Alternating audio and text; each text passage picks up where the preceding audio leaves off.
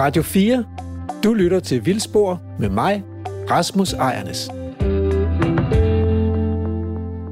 Vil du, vil du høre musikken nu, eller skal vi vente?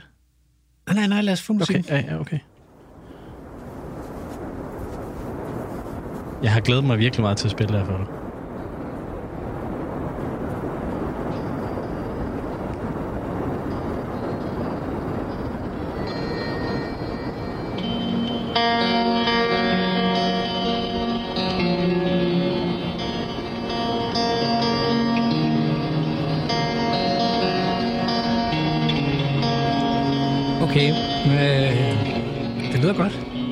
Er jeg glad for, du synes. Det er sådan lidt vildt, det der, det der i baggrunden der. Er det sådan en, en vild storm, eller er det, Ja, det er Vesterhavet.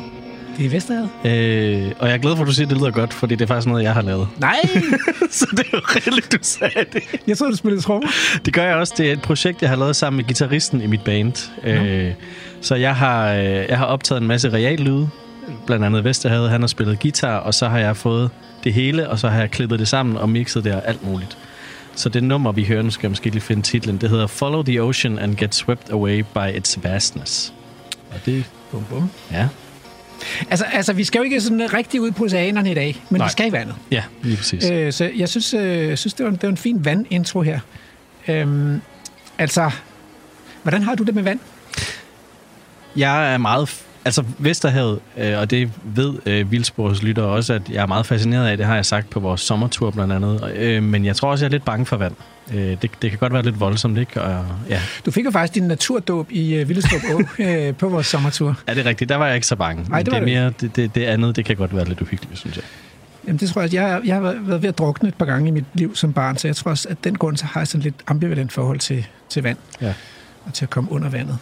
Men, øh, men naturen i vandet er jo fascinerende, og øh, jeg ved ikke så meget om den. Øh, så derfor så, øh, så, skal, så har vi jo øh, nogle mennesker, der kan gøre os klogere i dag. Ja, heldigvis. Og her i studiet har vi fået besøg af Tejs Krav, som er lektor på Syddansk Universitet. Og du ved noget om vand, ferskvand. Øh, Ja, det skulle jeg gerne. Du ved, du ved noget om søer blandt andet. Og, og øh, vi skal, i dag skal, skal programmet handle om søer, og specielt om Filsø, som er en, hvad kan man sige, en genopstået sø ude i Vestjylland. Og den har du været med til at studere. Det har jeg. Øh, da søen den blev genetableret i 2012, så fik vi så et øh, projekt for Ove Jensen Fonde, hvor vi så startede med at monitere og holde øje med, hvordan naturen udviklede sig øh, i Filsø. Og det startede vi op i foråret 2013. Og når du siger vi, Så er det sammen med Kai Sand Jensen på øh, Københavns Universitet. Mm. Så der har vi haft et projekt, øh, hvor vi har fulgt med i søens udvikling lige siden. Og der har vi lavet øh, monitering i forhold til vandkemi og ilt, og i forhold til farvet opløst organisk materiale. Altså det, som der giver at søen, den bliver brunfarvet. Mm. Øhm, så har vi fulgt med i fiskenes udvikling, og vi har fulgt med i vandplanternes udvikling. Vi har fulgt med i mere eller mindre alle de parametre, der, der styrer den økologiske tilstand ude i søen, for at være sikker på, at søen den udviklede sig så godt, som, som man ligesom kunne forvente. Men, men hvorfor har du lige kastet dig over søer i din forskning? Altså, er der en eller anden grund til det? det startede allerede, da jeg var helt lille, med en fascination af, hvad der, hvad der foregik. Altså, det var, der var to ting, der fascinerede mig, da jeg var helt, helt lille. Der, der gik ikke mange år, så fik jeg min første kigger af min, af min mormor, og så var jeg interesseret i fugle. Ja. Så jeg kiggede på fugle ud gennem havevinduet, og når jeg var på besøg i Haderslev hos dem. Øhm, og så øh, alt, hvad der foregik nede i vandet, det har også altid fascineret mig, så jeg var helt lille. Har du fisket? Jeg har fisket rigtig, rigtig meget. Det, det, Okay. okay. det kan jeg ikke... øh, Men, men hvad er din rolle så i det der forskningsprojekt? Er der noget specielt, du har taget dig af, eller... Jeg har mere eller mindre taget mig af det hele i det der forhold til det, der er gået i fuld, øh, foregået i felten. Det vil Ja. sige, jeg har taget mig af, når vi har lavet vandplanteundersøgelser. Øh, jeg har taget mig af, øh, når der skulle sættes datalogger op, sætte øh, moniteringsprogrammet op for at sørge for, at vi havde alle de parametre, der skulle til øh, basalt set, for at vi havde den information, vi skulle bruge til at forklare, hvad der foregik ude i økosystemet. Og, og nu, nu taler vi om Filsø, og når du siger, at du har været i felten, kan du så placere Filsø på et landkort for lytterne? Ja, øh, ikke så langt fra Varde, Esbjerg, øh, og så cirka halvanden til to kilometer fra Vesterhavet. Det vil sige, at øh, meget apropos det, vi hørte i introen nu her med, med storm og blæst, det passer utrolig godt på Filsø. Det er ikke mange dage, man oplever ved Filsø om året, hvor der er nogenlunde vindstille. Til gengæld så kan det også ændre sig derude til, at man har vindstille vejr, og så går der 5-10 minutter, og så blæser det hurtigt 10-15 sekundmeter. så så det, det er lidt nogle gange som at være på Vesterhavet, og når man tænker sådan en, en sø, så tænker man ikke, at man behøver at sejle en særlig stor båd, men, men, men til tider derude, så, så bliver bølgerne næsten lige så høje som vandet, det er dybt. For det er en stor sø. Altså, hvad skal man forestille sig? Jamen, øh, hvis man bor altså, 10 kvadratkilometer, det er nogenlunde lige så stort som Furesøen. Og øh, det helt specielle Filsø, det er den her, øh, som vi måske også kommer ind på lidt senere, det er, at man har lavet en sø, hvor man faktisk har plads til den naturlige hydrologi. Og når jeg siger det, så betyder det simpelthen, at søen den ændrer sig i størrelse hen over året. Mm. Så den er ikke øh, den er planlagt til at være 915 hektar, men mm. det, er, det rammer den to gange om året, når den så er i gang med at, at falde i størrelse og stige i størrelse. Ja. Og jeg tror, noget af det største, vi målte den til, det er omkring 12 kvadratkilometer, altså 1200 hektar. Øh, og det holdes inden for fondens område. Men det, den her naturlige hydrologi, det gør simpelthen, at vandstanden den svinger op mod en meter mm. i søen hen over året. Det er vildt spændende, og det skal vi selvfølgelig snakke mere om, men jeg kunne godt tænke mig lige først at få etableret, kan man sige, baggrunden for, at, at en, en, en stor naturfond som Ove Jensens Fonde går ind og laver sådan et projekt her, fordi, fordi det er sådan lidt, man kan godt sige, at de danske søer har sådan en lidt et lidt dyster historie, eller lidelseshistorie, eller sådan noget. Så, så hvordan, hvis man nu skal sige, hvordan er det gået med de der danske søer gennem, gennem historien, hvad har så nogle af de generelle tendenser været? Ja, de generelle tendenser, hvis man, hvis man kigger på alle danske søer, så er der en stor del af dem, de lavvandede søer, som øh, en meget stor del af dem er blevet afvandet, simpelthen for at øge landbrugsproduktionen, fordi ja. vi har haft de her historier, hvor vi gerne vil producere mere mad for at sikre, at der var mad nok. Ja. Øhm, så er der den resterende del, som så enten er blevet brugt direkte til, at man leder spilderøm i direkte, eller også den diffuse afledning for, for landbrugsproduktion. Ja. Øhm, så mængden af næringsstoffer i danske søer, den er stedet betragteligt. Ja. Og hvis man sammenligner med svenske søer, som har, kan have nogenlunde samme type opland, øhm, så er næringsindholdet markant højere i Danmark, ja. end for eksempel i Sverige. Så og, og det har nogle økologiske konsekvenser, det der med høje næringsindhold? Ja, det har, øh, det har nogle, nogle voldsomme økologiske konsekvenser. Det gør, at økosystemerne bliver ustabile. Øh, det gør, at da de bliver uklare, mm. og al primærproduktionen, den foregår frit i vandmasserne, i pelaget, kalder man det for. Og hvem står for den, den det der er så, det, det, det er alger, fytoplankton, ja. svævealger. øhm, og når de så producerer øh, kulstoffer op i midten af vandet, jamen så frigiver de en masse ilt, og den ilt, den kan enten kan man sige, blive forbrugt af algerne igen, eller de funderer op i atmosfæren. Mm. Problemet er så, når algerne de så enten bliver spist, eller synker ud og ned til bunds, jamen så er der et kæmpestort ildforbrug nede på bunden, som så gør, så man kan få ild, vej. som gør, at man kan få ildsvi, uh, ildfri forhold på bunden. Og det er, det er der ikke mange, der kan lide. Altså. Det, det, er jo, det er jo ikke specielt optimalt, hvis man gerne vil have en sø, der er ildfri forhold på bunden i længere perioder i hvert fald. Øh, vandplanterne kan ikke tåle det, mm. øh, og hvis man nu kigger på, at det er et større ildsvind, jamen, så er der heller ikke særlig mange fisk, der kan, der kan håndtere det i hvert fald på bunden. Så har man den der fiskedød. Det er næsten altid ildsvind, som gør, at fiskene pludselig i, i stor mængde vender bunden i vejret. Eller det kan også være andre forgiftninger, men... Ja, altså hvis vi taler om større søer, så vil det langt oftest være ildsvind, der er ja. tale om. Og det er ildsvind, der opstår på baggrund af, at man har haft en forurening med næringsstoffer, mm. sådan så man har kulstofproduktion i selve søen. Men så, øh, og det har man opdaget, og det er vel ved at være nogle årtier siden, at man det blev er, bevidst om, at det er et problem, det her. Det var i 70'erne, man, man, man opdagede, at det her ja. det var et reelt problem. Og ja. man havde også erkendt, at det var et problem før. Der har man bare valgt at sige, at alt det, der ligesom ikke kan klare menneskelig aktivitet, det er vi reelt set ikke interesseret i så meget. Fordi den menneskelige aktivitet er den vigtigste. Ja. Og, så, og det så, ændret sig, at man har tænkt, at det er også den der natur, og den der rene natur, og det der med, at der er fisk i vores ferskvand og sådan noget, det er også en kvalitet. Så det vil vi faktisk gerne have. Ja. Og så er man gået i gang. Og, og, og, og Filsø her er jo så en af de måder, man er gået i gang på, øh, nemlig at få nogle af søerne tilbage, de steder, som ligesom har været indvundet til landbrugsjord. Ja. Måske skal vi først sige, altså, det lyder som en kæmpe opgave at indvinde øh, en sø til landbrugsjord. Altså, hvordan, øh, hvordan hiver man vandet ud af sådan et sted der, og undgår, at det kommer tilbage igen? Og sådan? Altså, man, det er jo svært. Det, som der sker reelt set, når man skal inddæmme en sø, det er, at man, sætter, man graver nogle drænkanaler øh, i udkanten, og så sætter man store pumper på reelt set. Ja. Så vandet bliver aktivt pumpet væk, fordi det vil naturligt set være et sted, der ligger nogenlunde lavt i terrænet. Ja. Det vil sige, at vandet vil automatisk løbe til. Så der er en konstant tilsivning Der er sådan en et konstant område. tilsivning til sådan et område, og øh, hvis man kigger på Filsø, jamen, øh, så er gennemsnitsdybden omkring en meter dyb nu her, mm. og det er 10 kvadratkilometer, så kan man regne ud, at i perioder, jamen, så er opholdstiden af vandet altså ikke mere end 14 dage. Det vil sige, at man skal pumpe hele volumen af Filsø væk på 14 dage i de perioder, hvor det går hurtigst. Så ikke bare har det været et stort arbejde at afvande den, men det har også været en konstant anstrengelse og energiforbrug faktisk at holde den tør. Ja, og det, og det er jo så hele finten med, med mange af de her områder, det er, at energiforbruget har ikke været konstant. Fordi det, der sker, når man så dræner sådan et område, så kommer der ilt til jorden. Mm. Og så alt det organiske kulstof, som har været deponeret på bunden af filsø tidligere, mm. det begynder at blive oxideret. Tørvelagene. Ja. ja det, så det brænder simpelthen sammen, kan man sige. Det, det mindskes. Og så sænker øh, bunden sig, eller koden, i det område, hvor der ellers vil være sø. Og det vil sige, så i stedet for, at der er, måske er øh, en meter under havets overflade, eller to meter over havets overflade, så sænker det sig, så det, så det simpelthen falder. Og så bliver det sværere og sværere at dræne med tiden, og derved bliver det mindre rentabelt, fordi man skal bruge mere energi på at pumpe vandet væk. Yes. Det positive ved den her historie, det er, at det er meget nemmere at få vandet tilbage igen, end det er at fjerne det. Det går lynende hurtigt, som, Ja. ja. som I kan høre. Så om vinteren, så går der, kan der gå en måned, 14 dage, så er hele søen fyldt op med vand. Wow. Så man skal lade være med at pumpe i 14 dage, 3 uger. Øh, Så har man en sø. Så har man sø. Det er fantastisk. Der er så bare lige den have ved det, at man skal lige købe jorden først. Så det er så Ove Jensens Fonde, der er gået ind og erhvervet det her øh, landområde. For at, og det kommer vi til at, øh, også at, at høre mere om på reportagen, fordi dagens reportage går nemlig også til Filsø. Men, men altså, øh, kan man sige noget om, kan forskningen fortælle os noget ud fra Filsø, fortælle os noget om, hvad er så, hvad er så nogle af de udfordringer, man støder på, når man gerne vil have sådan en sø tilbage igen? Fordi vandet kommer, den er god, Ja. så har vi en sø. Er det så gjort med det? Nej, øh, i, i det her tilfælde, der har vi jo øh, der har vi fulgt med fra starten af, øh, og det vi kan se, det er, at mængden af næringsstoffer, der kommer ind, er ikke den samme mængde, som der var dengang, man ligesom tørlagde søen. Der var søen, øh, den var relativt uklar på grund af partikler i perioder, fordi det ligger sig tæt på Vesterhavet, så når det blæser, så er der relativt stor resuspension af partikler fra bunden af. Altså resuspension. Det er, når partikler vivles op fra bunden ja. af igen. Ja. Øhm, så, så det, men i lange perioder har søen været klarvandet. Det er så det, man kalder for en mesotrof sø, det vil sige en sø, som er relativt klarvandet med masser af vandplanter mm. og en diverst vandplanteliv, det vil sige mange forskellige arter af vandplanter. Mm. Og det, det, det er noget af det, som vi rigtig gerne vil have, fordi hvis der er mange forskellige typer af vandplanter, jamen så er der også et stort fødeudbud til fuglene.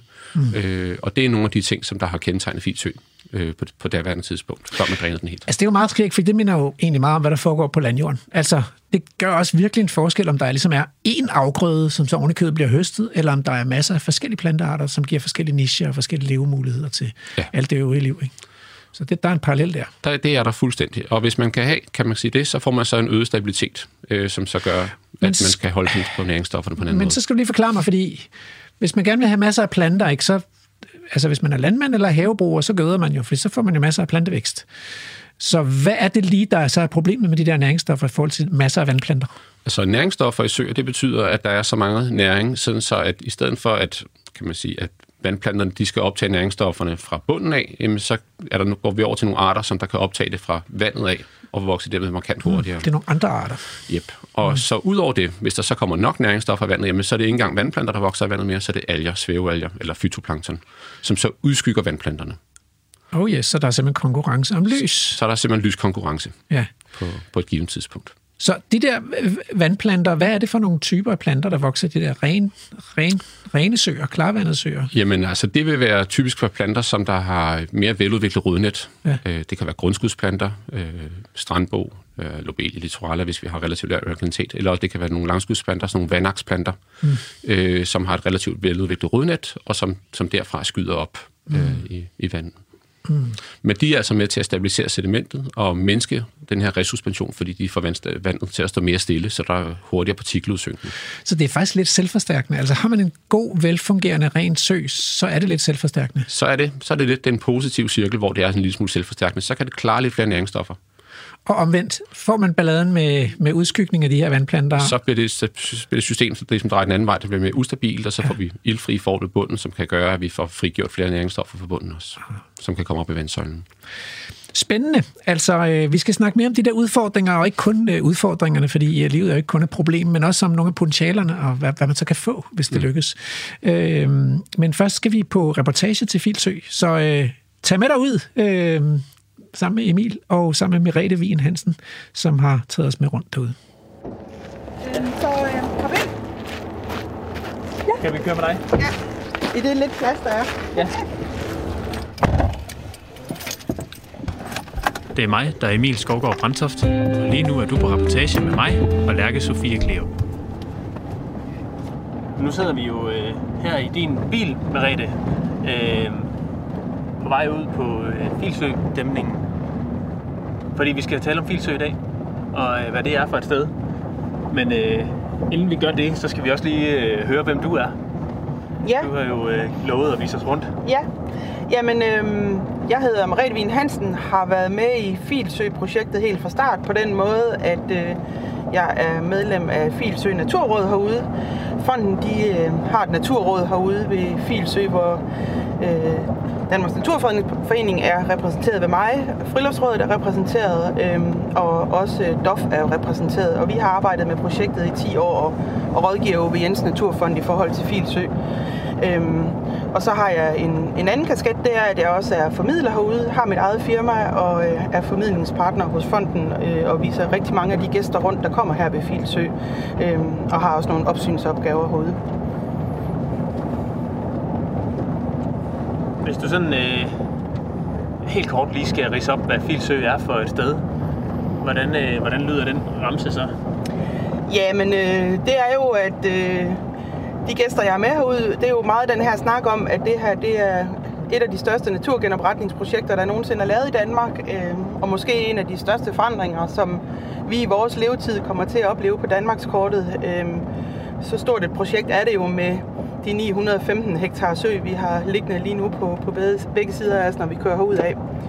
Så, øh, så det er jo spektakulært på den måde. Øh, og øh, det, jeg sådan har meget fokus på, det er jo både at trække øh, trådene tilbage i tiden i forhold til, øh, hvorfor var det, man afvandede i sin tid, øh, hvorfor er det, vi naturgenopretter i dag, og i det hele taget, hvad indeholder et projekt som det her, øh, hvis man, man kigger mere bredt på det, hvad det har sådan af afledte effekter, og også hvad det indeholder, og hvad man ikke lige tænker måske, når man går herude som gæst. Der er jo mange mennesker herude på, øh, på, øh, på dæmningen, og de kigger alle sammen på os, som om det er lidt mærkeligt, der kører en bil herude. Men vi var jo også lige igennem en kæde med en hængelås på og sådan noget. Øh, men det er simpelthen dit øh, opsyn, filsø-skilt i forruden. Der, ja, det er det. Øhm, ja, men der er rigtig mange mennesker, der går øh, turen her på Dæmningsvejen i dag. Det er jo utroligt smukt vejr, øh, så det kan man jo ikke sige folk i. Det er så vindstille, som det næsten kan være i Vestjylland, øh, og det trækker rigtig mange gæster herude. Øh, øh, måske op mod 130.000 gæster om året, kan vi se med de tæller, vi har på fugletårne og øh, de steder, hvor folk går ind i området. Så det er jo rigtig, rigtig mange mennesker, som øh, nyder den natur, der er herude. Det er også smukt. Det er, det er der. virkelig ja. flot i dag. Ja, det er meget, meget flot i dag. Øh, det er en god dag at komme. Det er jo lidt, der ikke er flere gode billeder i at lave radio. så, øh, men øh, vi kan lige tage et stop her. Ja, lad os gøre det. Men nu står vi her på øh, dæmningen midt i, øh, midt i Filsø, og hvad, hvad er det for, øh, for et landskab, vi kigger ud over? Jamen, det er jo en kæmpe stor flad pande her i det vestjyske. Øhm, og Filsø ligger jo her omkring os i dag med de her 915 hektar. Øhm, og øh, fordi det er den her store flade pande herude øh, bag ved yderste klitrække, jamen så var det også det, man fik kig på der i, i midten af 1800-tallet i forhold til, at det kunne være interessant at afvande den her sø øh, og få skabt noget landbrugsjord herude. Øh, og det er jo hele historien om Filsø. Det er jo lige præcis, at lige her, hvor vi står nu, der havde vi for 8-9 år siden ud, øh, udsigt til traktorer og majtasker, der havde travlt herude på arealet. Der var 1200 hektar under plov herude, øh, så, så det er jo kæmpe store forandringer, det, det har gennemgået. Øh. Og når man går her i dag, så er det jo svært at forestille sig, at, øh, at det har været den aktivitet for så kort tid siden. Øh, og rigtig mange, der kommer her i dag, opdager jo ikke nødvendigvis, at det ikke altid har været sø, men det er jo noget af det, vi også prøver at formidle os ud af og fortælle historien om, øh, hvorfor øh, Filsø i en periode på 1.500 år altså ikke var sø. Og det kan også være, at vi skal have den historie. Hvorfor, ja. hvorfor var søen væk? Jamen, øh, man øh, besluttede sig for at afvande øh, Filsø der fra 1852 øh, og afvandet herude i flere etapper. De sidste centrale områder af søen øh, blev afvandet herude efter 2. verdenskrig.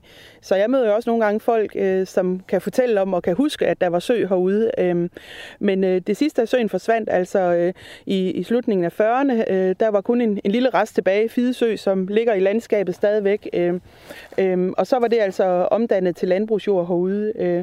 Og det er jo ind i, i en tid og en, og en udvikling, hvor man jo, hvor mange søer, mange fjorde og mange moser forsvandt fra, fra Danmarks kortet, øh, og hvor det jo var fremskridtet i 1800-tallet, og man havde jo et helt andet øh, syn på naturen dengang, øh, og måske er det i virkeligheden ikke så anderledes i dag, men det klinser jo stadigvæk i hvert fald i forhold til, hvordan vi er, det er, vi skal øh, bruge vores åbne land, eller ikke skal bruge det. Øh, så, øh, så ejendommen her ved Filsø blev sat til salg i 2007, øh, og i alt er ejendommen på, på 2300 hektar, og det var så ejet af et familieaktieselskab, som drev landbruget herude, øh, og som altså satte det til salg, øh, og hvor det så endte op med, at det blev Ove Jensen Naturfond, der købte det med henblik på naturgenopretning. Så, øh, så det er jo en, en fantastisk historie, og det har jo været mange naturelskers hededrøm i mange år at få Filsø tilbage på landskortet, men jeg tror ikke rigtigt, de selv troede på, at det skulle ske. Så, øh, så det er jo sådan lidt, og, og sådan kan jeg også godt stadigvæk have det, når jeg ved, hvad der er sket på,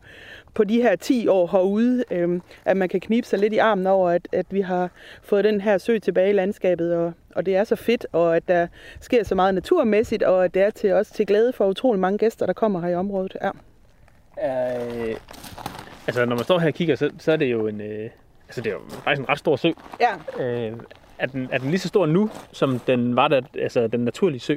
Nej, altså det nye Filsø, som jeg plejer at kalde det, den er 915 hektar, øh, og bliver sådan set også gået igennem med den her dæmningsvej, vi er på nu. Øhm, og det er ikke den øh, størrelse, Filsø havde tilbage i tid, men det var så stor, som søen kunne blive i dag inden for ejendomsgrænsen. Øhm, så øhm, øh, den har været meget, meget større, altså øh, den har været omkring 3.000 hektar tilbage i tid, øh, men har egentlig haft mange størrelser gennem tiden, øh, og det handler noget om med forbindelse til havet og afsnøring til havet og øh, menneskets brug af området. Allerede i 1100-tallet blev der lavet vandmølle i Hennemøllå, som afvander Filsø, så allerede fra det tidspunkt har man i nogen grad påvirket søen, men øh, altså det, at den forsvandt fra landkortet, det er fra 1852 og frem. Ja.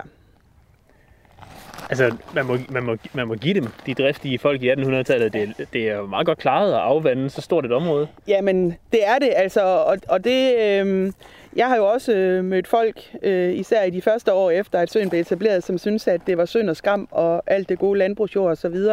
Øhm, og, og det er jo, øh, det kommer lidt an på, hvad tilknytning man har, og hvad man ser, og hvad man holder af. Øhm, men, men jeg synes jo ikke, vi træder på nogen, fordi der er nogen, der har lavet et projekt tilbage i 1800-tallet og frem, og så gør vi noget andet i vores tid. Altså, vi river jo også gamle huse ned nogle gange og bygger nyt, ikke? Altså, øh, og vi kan sagtens øh, fortælle historien øh, respektfuldt om, om dem, der arbejdede herude, arbejdet for noget andet og ind i en anden historisk kontekst og politisk kontekst, øh, og så øh, glæde sig over det her projekt i dag. Øh, så, så det synes jeg egentlig, øh, øh, den historie kan, kan sagtens fortælles, og, øh, og jeg oplever også, at folk, der måske havde en skepsis i starten, øh, øh, også er blevet glade for det. Jeg møder også nogen herude på cykel nu, som synes, det var helt skrækkeligt i starten her. og nu har de så fået en, en, en smuk sø ja, at, ja. at kigge på. Ja. Men den er jo også mere end en smuk sø. Den, det er jo faktisk en ret hurtig øh, natur der er kommet tilbage, eller ja, hvad skal man sige, naturen ja, er kommet ja. hurtigt tilbage. Jo, fordi der er også nogle gange, der spørger til, hvordan kan det være, det, det er gået så hurtigt det hele? For det første, så kan man sige, fra, fra øh, Ove Jensens Fonde købte ejendommen til man åbnede for vandet den 2. juli 2012, gik der jo ret kort tid i virkeligheden. Man skulle jo igennem den planproces, der skulle til, men fordi man laver et projekt, som ligger inden for ens egen ejendomsgrænse, så har man jo øh, ret hurtigt kunne komme derud af, fordi man har ikke skulle have en masse lodsejerforhandlinger. Og jeg sammenligner lidt nogle gange med Skær Nord-projektet, som vi jo har lidt nord herfor, men hvor rigtig meget af, af den lange periode, øh, som, som øh, det tog at få Skær Nord-projektet på banen, det var jo lodsejerforhandlinger og overhovedet komme til at blive enige om et projekt. Øh, og den, vil sige, den del har man jo været fri for her, fordi at man har lavet et projekt, der lå inden for ejendomsgrænsen. Øhm, så på den måde er det gået stærkt, og så er det jo gået stærkt også efter at søen er kommet. Øhm, og det er jo også noget af det, der er det spændende herude. Det har jo været, at man har prioriteret fra fondens side at sige, vi vil faktisk gerne vide noget om, hvad sker der, når man laver en ny sø som filsø. Så derfor øh, øh, er der jo en masse monitering herude, både af planter i søen, af kemien i søen, og øh, også hvad der er fisk i søen, og der bliver overvåget på fugledelen. Så der bliver jo lavet en masse data herude, øh, som øh, ja, man både kan bruge nu, men jo også kan kigge på, hvis man kigger på, på filsø på 50 eller 100 år, når vi andre ikke er her længere.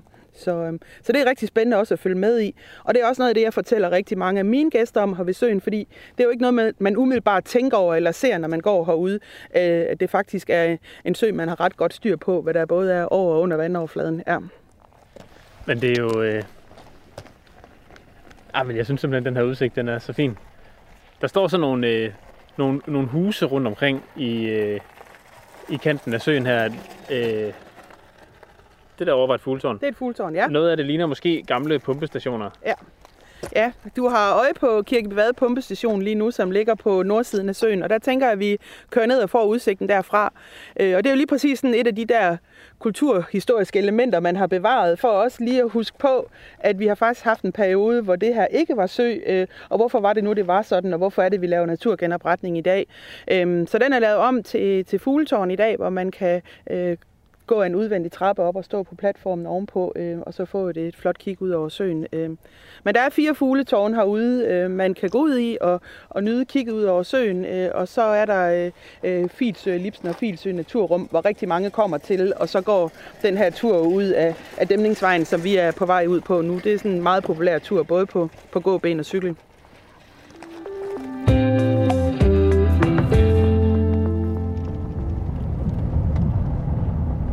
Nå, vi skal altså lige en tur ud til Langerød Tårn, så kan I se, der kommer guldsmedende vælten imod os her. Ja. Og når vi er her godt hen i oktober, så er det nok efterårsmosaik guldsmede det meste. Ja. Men jeg tror.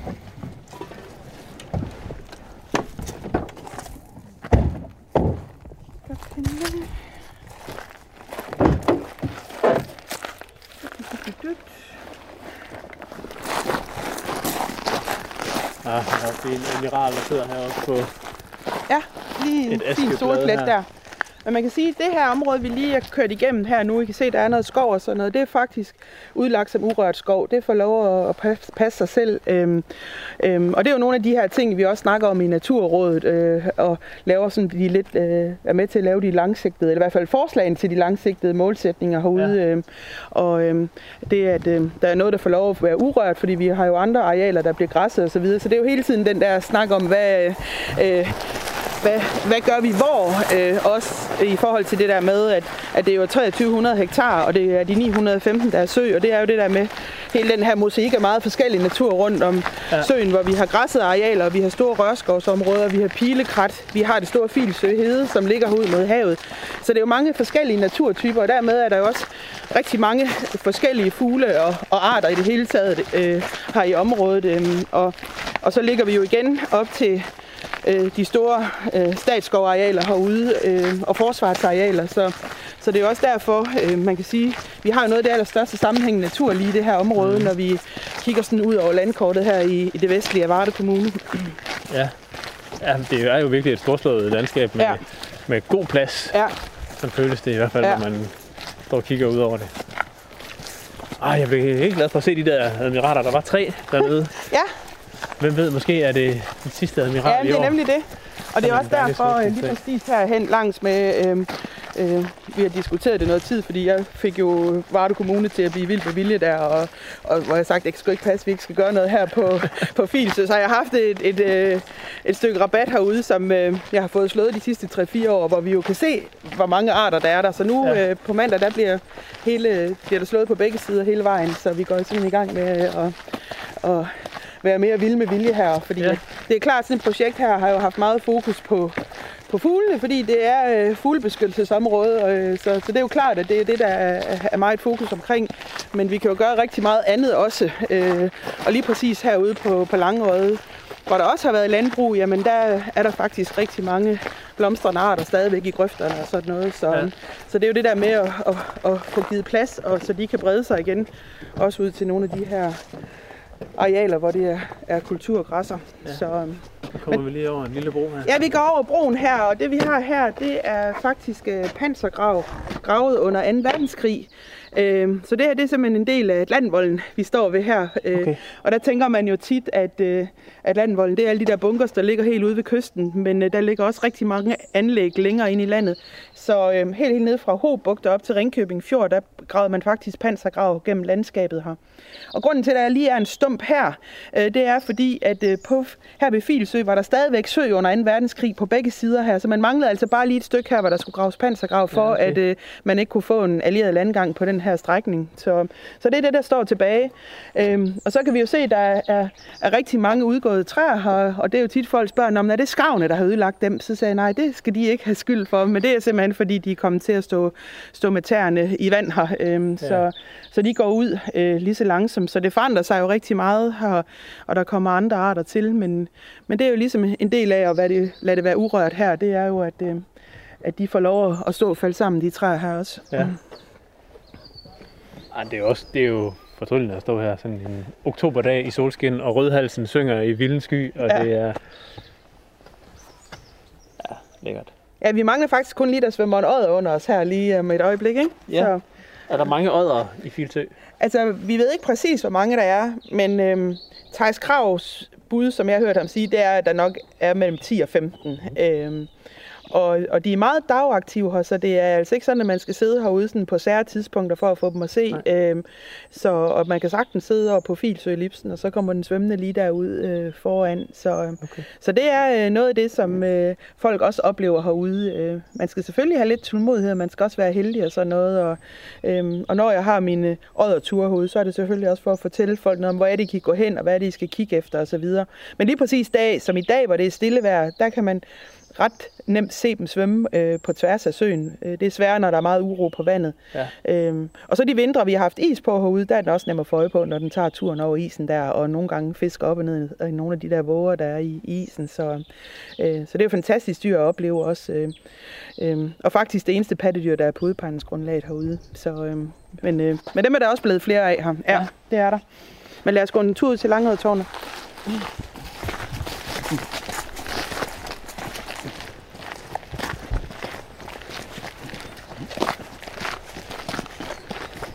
Det er også en meget fin tur herude med, igennem den her, på den her sti her med træer på begge sider og lidt brumbakrat og lidt...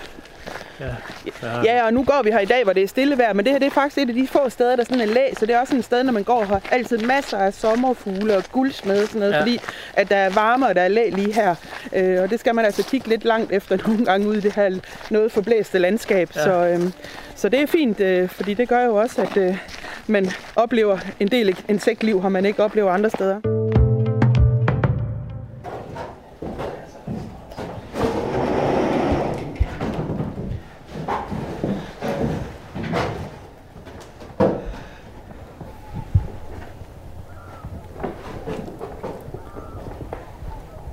man har jo nydet.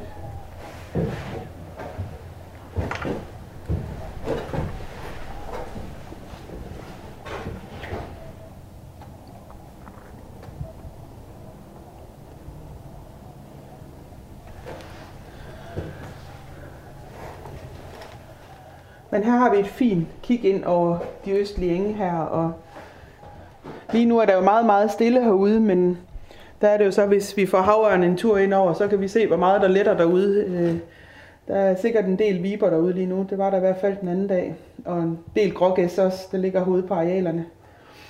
Og vi kan høre svanerne over bagved.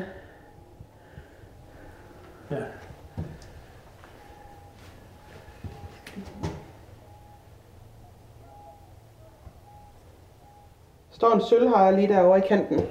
Over under møllerne. Det gør det også. Og så kan I se lige til venstre for dem, der er der ligesom nogle små hegninger. Det er nogle nulparceller i forhold til forsøg med græsningen. Okay.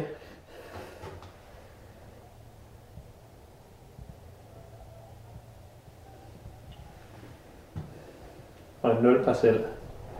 Det kan være, vi lige skal have forklaret, hvad en nulparcel er. Et sted, hvor der ikke bliver græsset, så man kan se, hvad græsningstrykket er udenom. Øhm, så, så der laver universitetet nogle hegninger, simpelthen for at se, hvad det betyder for, for vegetationen er. Om der er græsset eller ej derovre. Ja. Det er jo fint med... Det er jo fint med sølvhajer derovre. Ja, Øhm, sølvhajer er jo, er jo sådan en fugl, der er gået fra øh, 0 til 100 i Danmark på ingen tid, Ja. har sagt. Øhm, den er jo lige pludselig bare blevet vildt almindelig. Eller vildt almindelig er den måske ikke, men noget mere almindelig. noget mere den Ja, har ja, ja.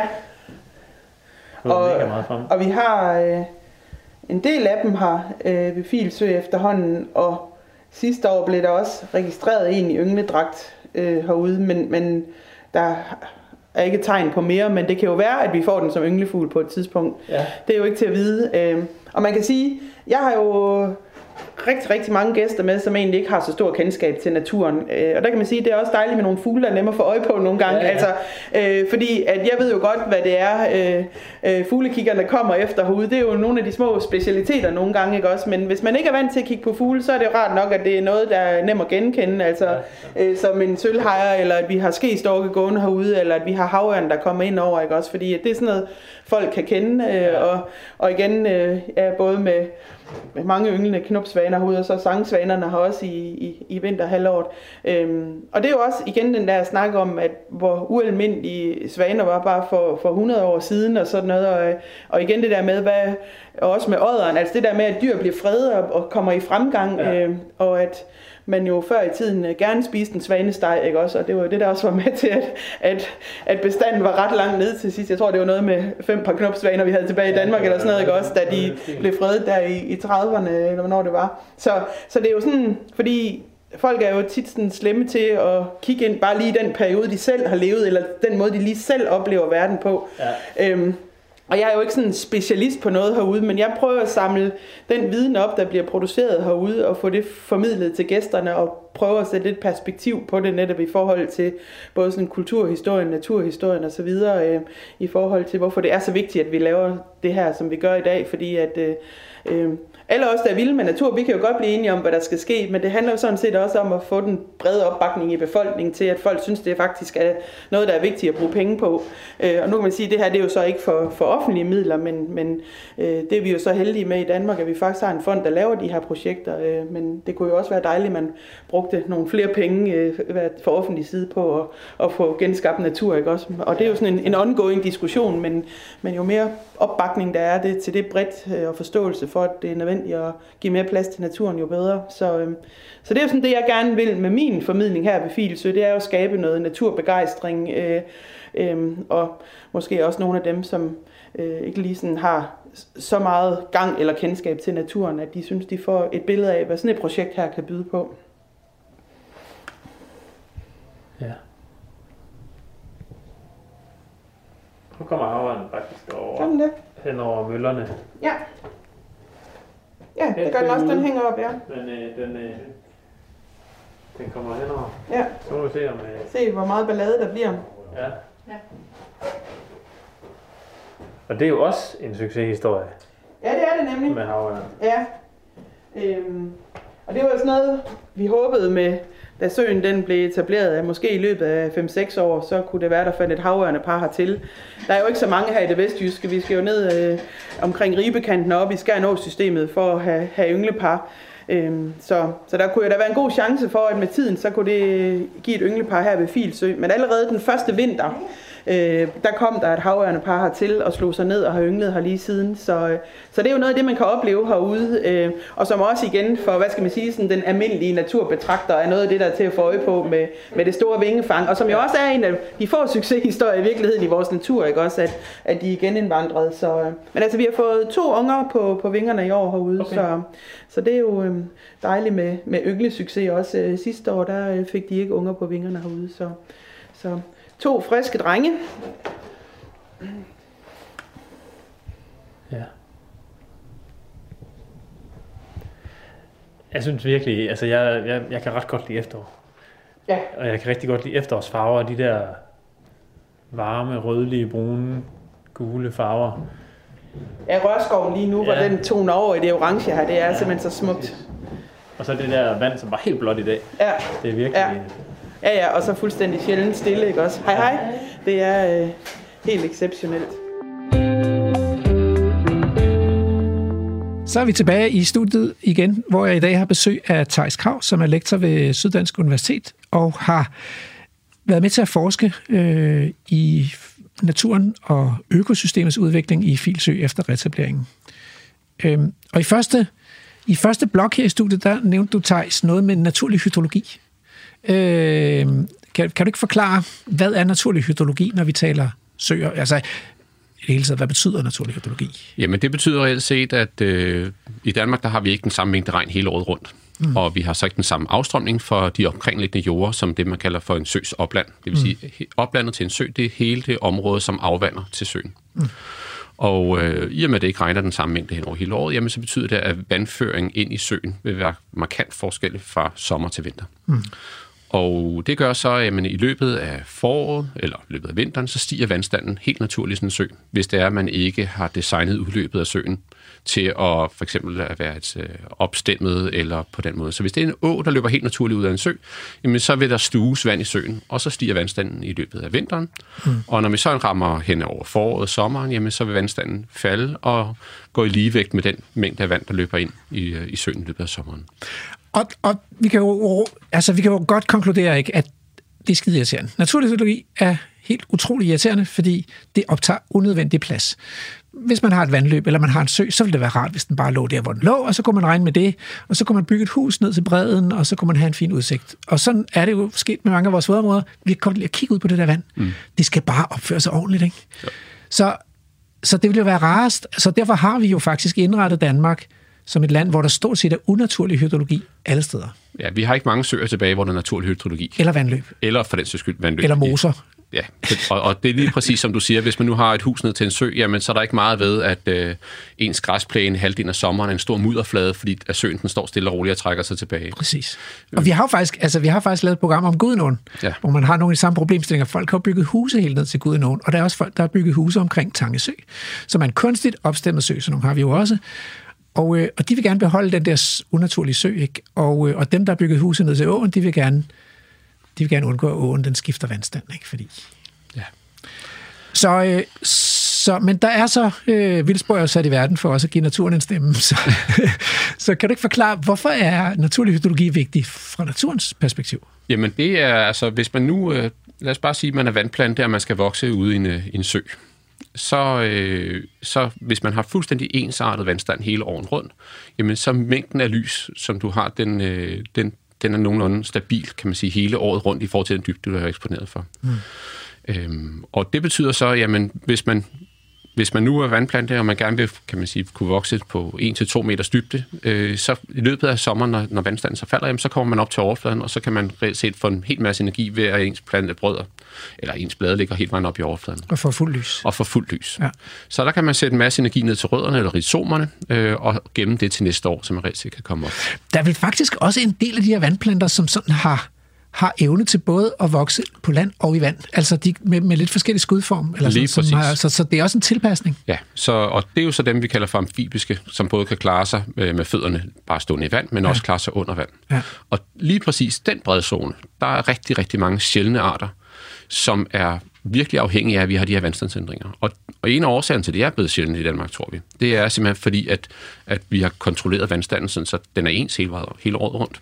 Og så har de ikke en fordel i forhold til at konkurrere. Mm. Fordi de kan klare sig under vand, og, når, når, og det kan græsserne ikke på samme måde klare sig med, hvis de står under vand øh, 8-10 måneder om året måske, og mm. kun har to måneder over vand om året. Mm. Mens de her vandplanter, de kan klare sig under vandet, og når de så kommer op over vandet, så kan de også klare sig på fugtig bund, mm. men ikke i specielt god konkurrence med, hvis der nu skulle stå nogle, nogle græsser, nogle terrastiske græsser, som ellers ville overskygge den. Mm.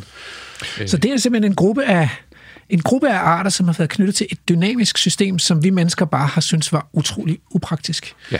Øh, og som vi derfor nærmest har udryddet. Ja, og blandt dem, der er i, i Filsø, der opdagede vi, kan man sige, som ellers kunne have øh, hvad vi troede var uddød Danmark, krybende søbryd. Og det er en af de, kan man sige, meget få voksesteder, den plante, den overhovedet har. Og det er helt, helt, altså helt unikt, at man genetablerer en sø, og så går der 3-4 år, og så er der en plante tilbage, som vi troede var udryddet i Danmark. Kære lytter, smag lige på det. Krybende søpryd. Ja. Ja, det er et smukt navn. Så, øh, og... og krybende, det passer jo godt, for ikke, fordi det er, jo, det er jo det, vi taler om, ikke? at den, den, har, den lever i den der overgangszone. Den, ligger, den lever simpelthen i sådan en overgangszone, og, og hele ideen med den, den der, den kan klare sig. Øh, så vi har lavet sådan nogle udplantningsplots, hvor vi har simpelthen lavet forsøg med for at blive klogere på, hvad der skal der til for, at den her plante den kan overleve og, og trives. Mm. Og det vi kan se, jamen når vandstanden den ændrer sig, for det, og det er jo det hele med naturlig hydrologi, det er den mængde regn, der kommer ned fra år til år, ikke ens. Mm. Så i år har de simpelthen vokset 10-20 cm højere op på, på bredden i forhold til, hvad de plejer at gøre, fordi vandstanden har været højere, end den mm. plejer at være i Filsø. Mm. Så vi kan simpelthen se, at de planter, som ellers har stået 10-20 cm tættere eller ligger dybere, mm. jamen de nu de, de kravlet op, de er krøbet op på, på vandbredden, eller på, på bredden, og klarer sig nu længere op, fordi det er der, hvor vandkanten den ligesom har stået, da vi nåede sidst i maj, juni måned, hvor væksten virkelig begyndte hurtigt. Og den er stadigvæk kun kendt fra Filsø. Den er stadig kun kendt fra Filsø. Den har været kendt fra Fidesø, men øh, Som er, som, som er en, øh, en rest fra, fra den gang, man drænede Filsø, okay. og ligger lige nord for. så den har formodentlig, den har ligget der og ventet i frøbanken, eller Den hvad? har været i Frøbanken, Ja. og det samme med, med Korsarv, som er også den sidste kendte voksested for Korsarv, som er også en lille øh, uanselig plante, som ikke bliver meget mere end nogle ganske få centimeter høj.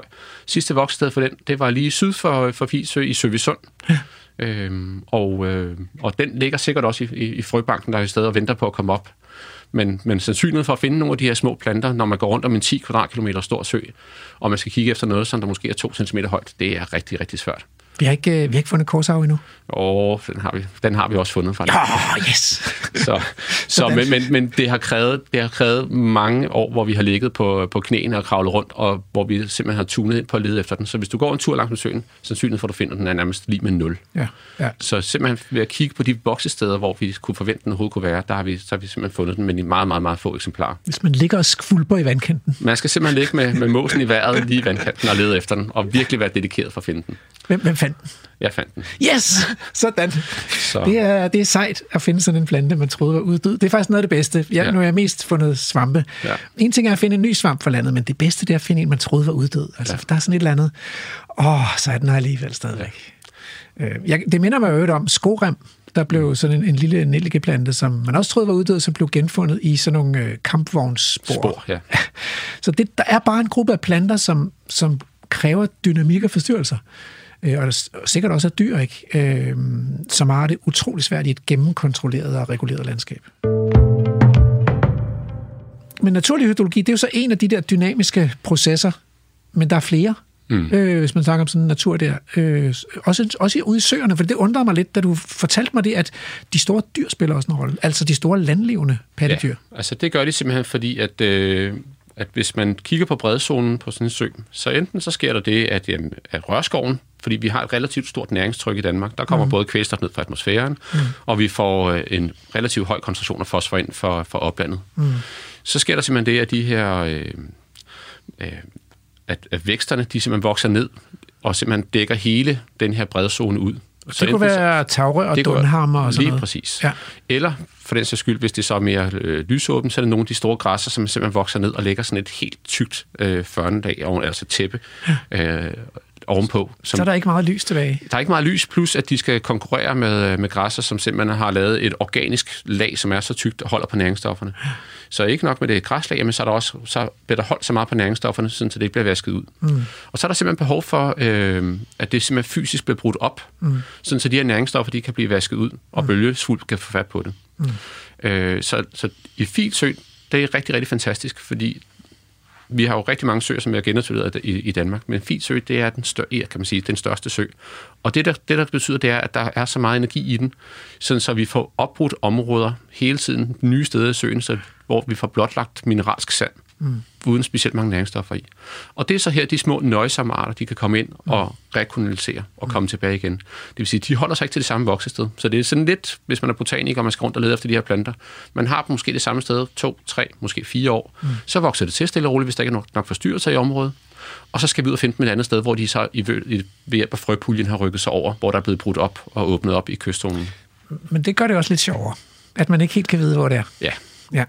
Men, men de der store dyr spiller altså så også en rolle, så de kan gå ud og æde nogle af de her øh, øh, konkurrenceplanter. Eller? de er helt sikkert med til at, at holde den her konkurrence for de store, kan man sige, arter, som har højt næringsindhold nede. Ja. Og vi kan tydeligt se det, fordi vi har, øh, vi har arbejdet lidt med, med, øh, kan man sige, med afgræsning, øh, og kan man sige, og hvor meget der skulle græsses, og holdt nogle områder uden for afgræsning reelt set. Og vi kan se en kæmpe stor forskel. Mm. Selv nogle af de steder, hvor vi så, der var allerstørst biodiversitet af vandplanter, og, for den sags skyld øh, bredplanter de første par år, jamen simpelthen fordi der ikke blev græsset på mm. området, jamen så blev det overvokset af hurtigt voksne arter, mm. øh, som er høje mm. og, og store. Det- Vi har jo faktisk diskuteret det nogle gange, men mest i forhold til vandløb, nemlig den her observation, at man er meget bekymret for at give de store dyr adgang til vandløbene, fordi man er bange for erosion. Men omvendt betyder det så også, at man får en meget, meget kraftig tilgroning af de der vandløbsbredder, så man, man mister helt den der forstyrrede zone, der kan være nogle af de steder, hvor de store dyr går ned og, og drikker vandet eller græsser ved bredderne. Så det gælder altså også for søer. Det gælder også for søer. Ja.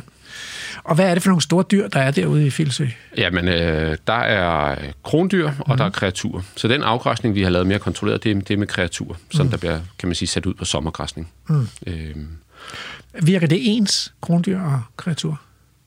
Krondyrene er stærkt styret af, hvor de tør at være henad. Hvis man, Fordi de bliver jaget? Der er, der er jagt på, ja. ikke, ikke på, på, på fondens område, men, men de kan simpelthen mærke jagttrykket rundt omkring. Ja. Så ved Petersholm, som er et, et, et sydligt areal, der ligger krondyrene hele tiden, der har de fundet ud af, at der er ikke noget jagt. Ja. Så lige på det, på det område, der er græsningstrykket relativt højt, og det, og det virker rigtig godt. Problemet mm. er så bare, at der er nogle områder, hvor krondyrene ikke rigtig har lyst til at græsse så meget. Mm. Ja, øh, og det er jo også noget, vi har diskuteret det her med, hvad kan man have et naturligt, hvad skal der til, før man kan have et naturligt græsningstryk? Altså, det bliver jo, kan jo også blive for højt.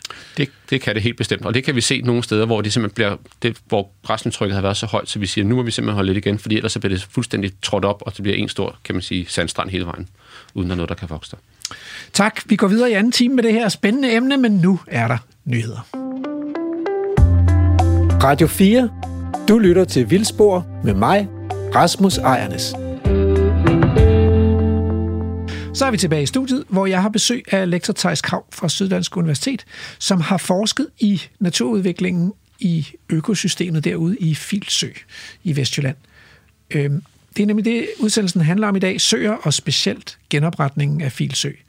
Og øh, for at blive klogere, så er vi også taget på reportage ud i Filsø, hvor naturvejleder Merete Wien Hansen har øh, tilbudt at vise os rundt. Og anden del af reportagen derudfra, den kommer nu.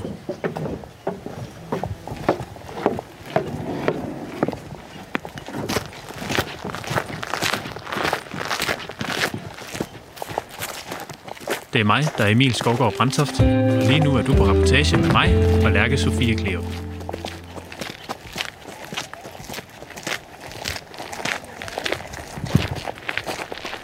Det her det er også et af de her områder, hvor der er læ for vestenvinden, og, og jo sådan set er sådan lidt et, et gammelt industriområde her, hvor de store driftsbygninger lå. Øhm, så, så det er faktisk også lidt spændende sådan, i forhold til, at der er en ret rig flora her. Øhm, og det er også et af de områder, hvor vi kommer til at arbejde lidt med. Man kan se der, hvor fundamentet har stået, der lavede man insektvolde rundt i starten. Øhm, og øh, vi skal til at arbejde med lidt ild rundt her og prøve nogle ting også, øh, for ligesom at få noget mere variation her i området. Øh, fordi der er rigtig mange både øh, sommerfugle, guldsmed og så videre øh, her, hvor der er, er lys og varme øh, ja. på, på de arealer her. Mm. Så det bliver lidt spændende at komme til at udvikle på det. Ja, det må man da sige. Chop, chop. Der er også lidt vådt her. Ja.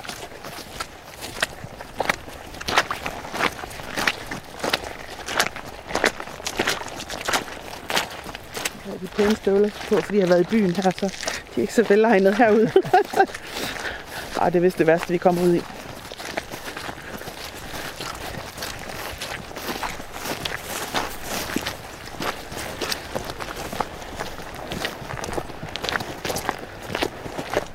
Men altså den plads, vi lige er gået hen over, det er jo der, hvor de her store bygninger, vi har på fotoet her, de står øhm, og korntørriet, som stod her lige foran os, altså det var jo syv etager højt, så det har været nogle bygninger, man kunne se alle steder fra. Øhm, og som sagt, da de blev bygget i 1950, øh, der var det de største landbrugsbygninger i Nordeuropa. Så, så det er jo nogle af de der små fortællinger, der også er rundt omkring her, for at kan forestille sig, hvad det har været i forhold til nu, ikke også? Øhm, med, med landbrugstiden herude. Ja.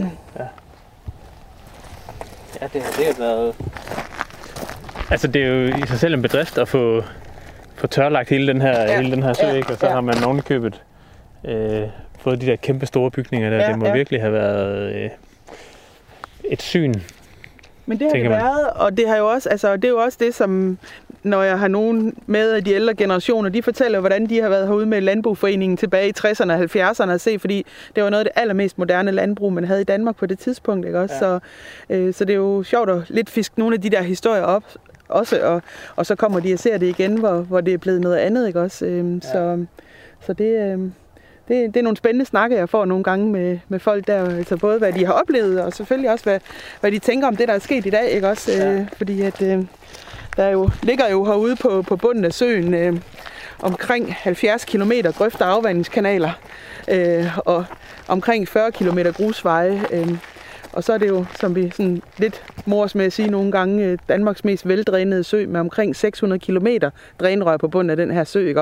Ja. Og det fortæller jo også noget om, altså, netop hvor kæmpestort et arbejde det har været at få skabt hele det her grøft- og drænsystem, øhm, og vedligeholde det ikke? Også, ja, øhm, over tid. Så vi snakker nogle gange om, at hvis der er nogen, der om 5.000 år finder på at tage vandet ud af Filsø igen, så vil de undre sig over, hvad det er, der ligger på bunden af den her sø, og hvad meningen har været med det hele, ikke? Ja.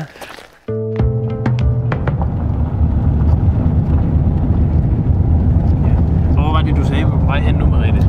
Nu øh, kører vi over til øh, Kirkebevadtårnet og tager et kig derover. Det er nordlige del af søen. Øh, hvor man kan gå eller cykle ned til fugletårnet. Øh, nu tager vi den så i bil i dag, men, men ellers så går eller cykler man derned, og det er sådan et af de områder, som øh, der ikke kommer helt så mange mennesker i, øh, også fordi man skal bevæge sig lidt længere. Øh, men det gør jo så også, at man kan godt finde nogle dejlige områder herude, hvor man kan opleve at have filsø for sig selv. Så, så vi synes egentlig, vi har en, en god balance i de der ting med, at man både kan have små listige steder, hvor man kan gå hen for sig selv, og så er der de der steder, hvor det lige er umiddelbart nemt at komme hen, og hvor man kan have bedstemor med og med rollatoren og en tur rundt på Ellipsebroen. Ja. Og det er jo også dejligt, at folk kan få de oplevelser, så det er jo, øh, synes vi, øh, vi har fundet en, en god balance med det herude.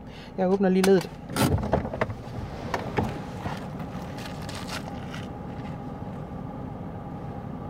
Kan jeg høre gæstene, de i luften hernede? Ja, det kan så. være... Øh, nej, man kan også se dem her, eller det er måske... Det ja, der er også nu, ja, ja, for jeg kan se, der, se, der kunne høre dem hernede bagved i hvert fald, så tænker havøren med rundt og forstyrre.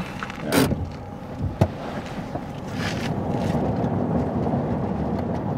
Men Langerøde, som vi kører ind over nu, kan I faktisk godt se, der sådan er lidt hedepræg. Øhm, og det stammer helt tilbage fra øhm, afvandingen af Filsø. Fordi da man afvandede søen, øh, så var rigtig meget af det sand, som var født i søen fra vest, det var strømmet over på østsiden og havde lagt sig til. Og da man så afvandede, så begyndte der simpelthen øh, sandflugt herovre på østsiden, og sandet begyndte at bevæge sig ind i, i landet her. Så, øh, så de naboer, der fik ny jord her mod øst, de måtte altså starte med at lave sandflugtsbekæmpelse på deres øh, nyvundne jord. Så, så det var ikke så populært, fordi at øh, de her naboer over mod øst, de havde egentlig været meget skeptiske over for at vandet skulle ud af Filsø, fordi at øh, adgangen til Filsø med jagt og fiskeri og rørskær, det var sådan set en, en, en god indtægt, og man vidste jo ikke helt, hvad man, hvad man fik, når der kom sådan nogen udefra og skulle lave sådan et projekt. Så, øh, så det tog altså nogle år, før man fik de her forhandlinger på plads. Øh, men naboerne herovre, de blev så lovet 100 alen af den nye jord, der ligesom kom ud fra deres nuværende søgrænse. Men der viste det sig jo så, at mange af dem, de fik altså bare 100 alen sand Øh, og det blev de jo noget fortørnet over, så øh, øh, der var en masse uenigheder der i slutningen af 1800-tallet, hvor der altså blev anlagt øh, retssager mod de nye ejere på Filsø, og hvor øh, også man lokalt herude fra øh, gjorde sådan set alt det, man kunne for at genere dem i den øh, daglige drift. Øh, og det var for eksempel det, at man havde ikke fået tinglyst en vejret ind til de nye ejere her øst øh, fra søen, så det betød simpelthen, at man nægtede dem adgang og spærrede vejene. Øh, og man kunne også læse om i nogle af de landsdækkende aviser, der hed det simpelthen Krigen i Filsø, øh, om hvad, hvordan man gebærdede sig herude vestpå. Øh, og blandt andet kunne man læse om, hvordan at øh, Stammose, som var forvalter herude, øh, han var ude og indfange nogle dyr, som naboerne havde sat ud på Filsøs de gode jord, fordi de syntes, når de nu havde fået ringjord, så må de jo have kommet til at have deres dyr til at på de gode jord. Øh, og så fangede han altså dyrene ind, og så satte han en annonce i avisen om, at de kunne komme og købe på auktion op på Henne Kirkeby Kro. Øhm, og jeg fortæller jo nogle gange øh, nogle af de her historier egentlig for at give et billede af, at der faktisk var rigtig meget modstand mod afvandingen af Filsø. Øh, både i 1800-tallet, og det var ikke af naturhensyn, men, men øh, hvad skal man sige, den nytteværdi øh, Filsø havde som sø. Og så var der jo igen rigtig meget protester mod de sidste afvandinger af Filsø der i 1940'erne, og der var det jo naturinteresserne, der var kommet i spil, men, men øh, den kamp vandt man desværre ikke, og, og de sidste øh, dele af søen blev, blev afvandet, og så fik man så øh, som kompensation fredet nogle af de naturarealer, der ligger nord og, og vest for søen. Øh, men, øh, men det er spændende at dykke ned i, fordi at, øh, det er jo øh, en lang historie ind i det her, øh, og hvor der selvfølgelig også har været folk i dag, som synes, at det er en dårlig idé, at man har fået Filsø tilbage på, vand, på landkortet, men, men øh, det er sådan set ingenting i forhold til de protester, der har været undervejs, øh, da man afvandede søen øh, af forskellige grunde.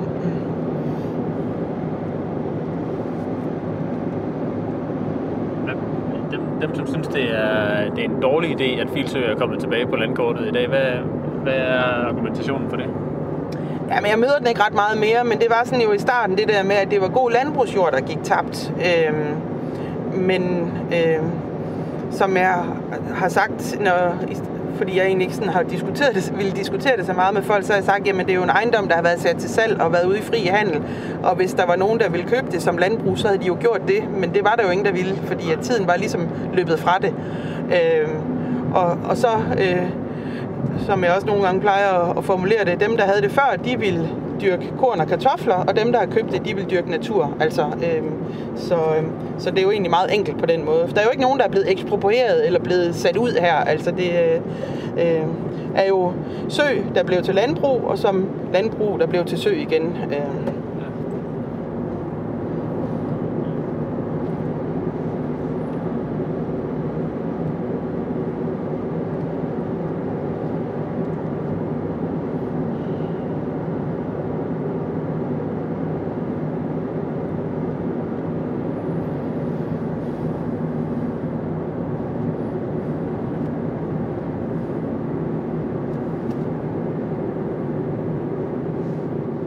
Og lige over på den anden side af landevejen herfra, hvor vi kører nu, der lå Rolfsø, som også var en del af det store filsø, der var engang, og som også blev afvandet i 1850'erne i forbindelse med projektet herude.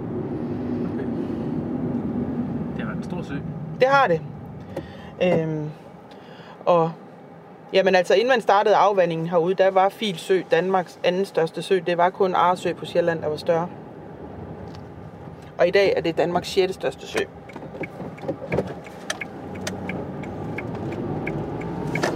Men også, altså, den landets næststørste sø, det, det virker voldsomt at kaste sig ud i sådan et øh, afvandingsprojekt. Ja. Altså, det er jo, det er jo virkelig ambitiøst. Ja, og altså, og hvis man sådan læser lidt ind i, i historien der fra 1800-tallet, så er der jo, og også senere, så er der også rigtig mange af de her afvandingsprojekter, der ikke er blevet til noget. Altså, der var jo også tegninger af, hvordan man ville øh, kanalisere Varde Å og inddæmme Ho Bugt og opdyrke den. Altså, når man hører det i dag, så tænker man jo, det er fuldstændig vanvittigt. Altså, øh, men hvis ikke man havde lavet fil, så, så ville det også være, at vi ville i dag stå og sige, tænk hvor vanvittigt det havde været, hvis man havde gjort det. Altså, øh, men det var jo nogle helt vilde planer, der var nogle steder dengang. Altså, øh, og de blev jo også kun til noget, fordi det var med statstilskud, og nogle steder måtte man jo også blive ved med at pumpe penge i, øh, og det blev aldrig rentabelt i virkeligheden, ikke også? Øh, men, men, øh, men det er jo noget af det, der er spændende, når man dykker ned i den der historie, og kan se, hvor, hvor meget vores landskab har forandret sig øh, på grund af hele den her landvindingssag, ikke også?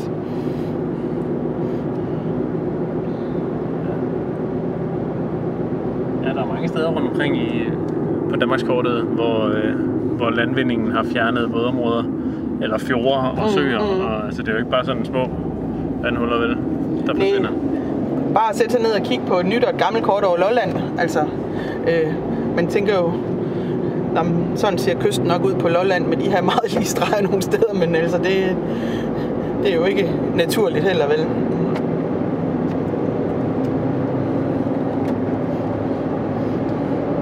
Så det bliver jo spændende. Kommer jo til at blive lavet mange naturgenopretningsprojekter i, i fremtiden. Både fordi man vælger at lave dem, men jo også fordi der simpelthen er nogle af de her områder, som bliver så våde, at det bliver umuligt at dyrke dem. Og, og heldigvis er det jo da en, en debat, der kører i forhold til at få taget nogle af de her lavbundsområder ud af drift. Nogle af dem de kan jo udvikle sig til noget spændende natur.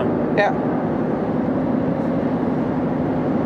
Nu kommer vi her til Henne Kirke, og der skal I jo altså forestille jer, at øh, da Henne Kirke blev bygget i sin tid, der var det jo altså lige på kanten af Filsø.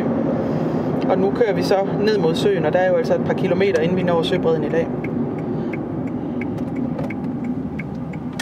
Ja, det giver et meget godt billede af,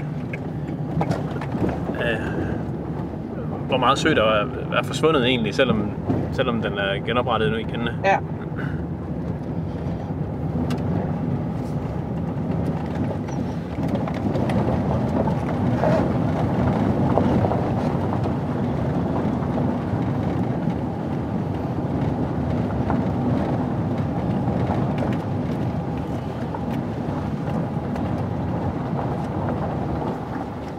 Og broen, som vi kører over nu her, det er Henne Mølleå, vi har her, som øh, ligger som en kanal her på nordsiden af Filsø. Det vand, der løber under os her, det er vandet fra Fidesø, den gamle del af Filsø. Øh, og så et par kilometer længere mod vest, der mødes det så med, med vandet fra Filsø og løber så øh, i fællesskab med Henne Mølleå til, til Vesterhavet.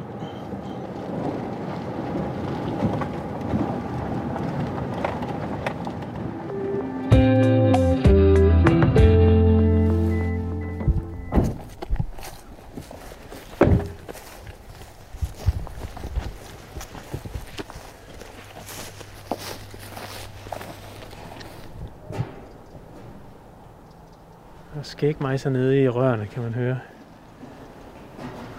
Ja, det er jo noget af det, man kan høre i dag, fordi det er så stille vejr. Ja. Normalt så forsvinder alt lyd her med blæsvejret.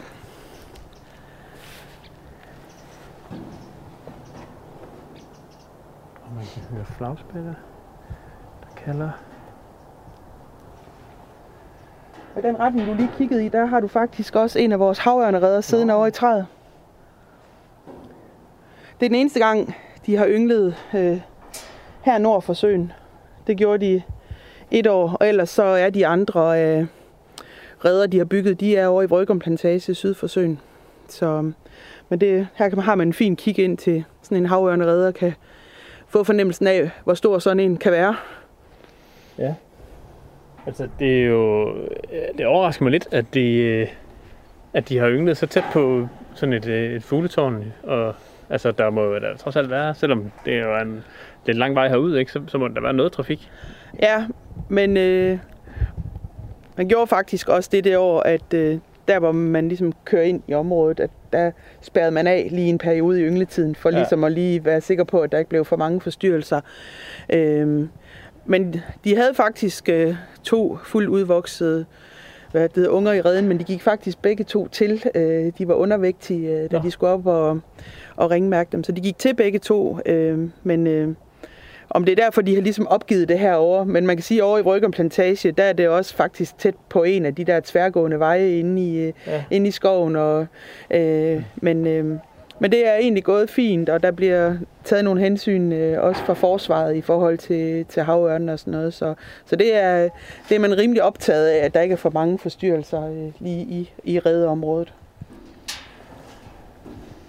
Og når vi kigger mod øst her, så kan vi så se Fidesø, øh, som ligger herovre, som jo altså er, er resten, den rest, der var tilbage af Storfilsø. Øh, så den har altså ligget der hele tiden. Øh, og der kan man fortsætte ud af vejen herud til at få et kig ud over det område også, og ind over heden også med, med gode chancer for at, at se trænerne hernede i området.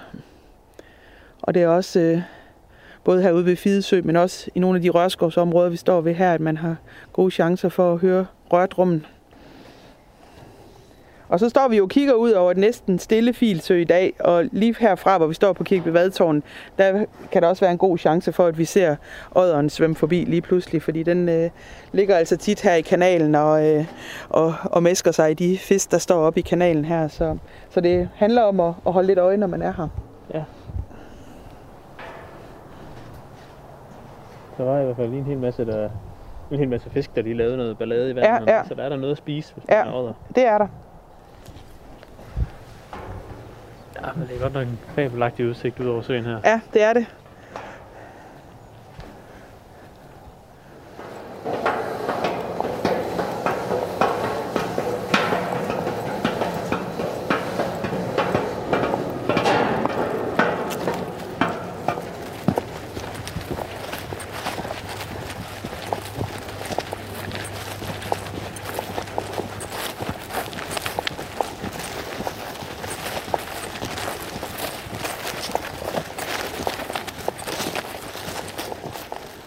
Øh, men Mariette, nu har vi jo gået rundt og set en, øh, en masse af filsøer fra alle mulige forskellige vinkler og hørt en masse om områdets historie.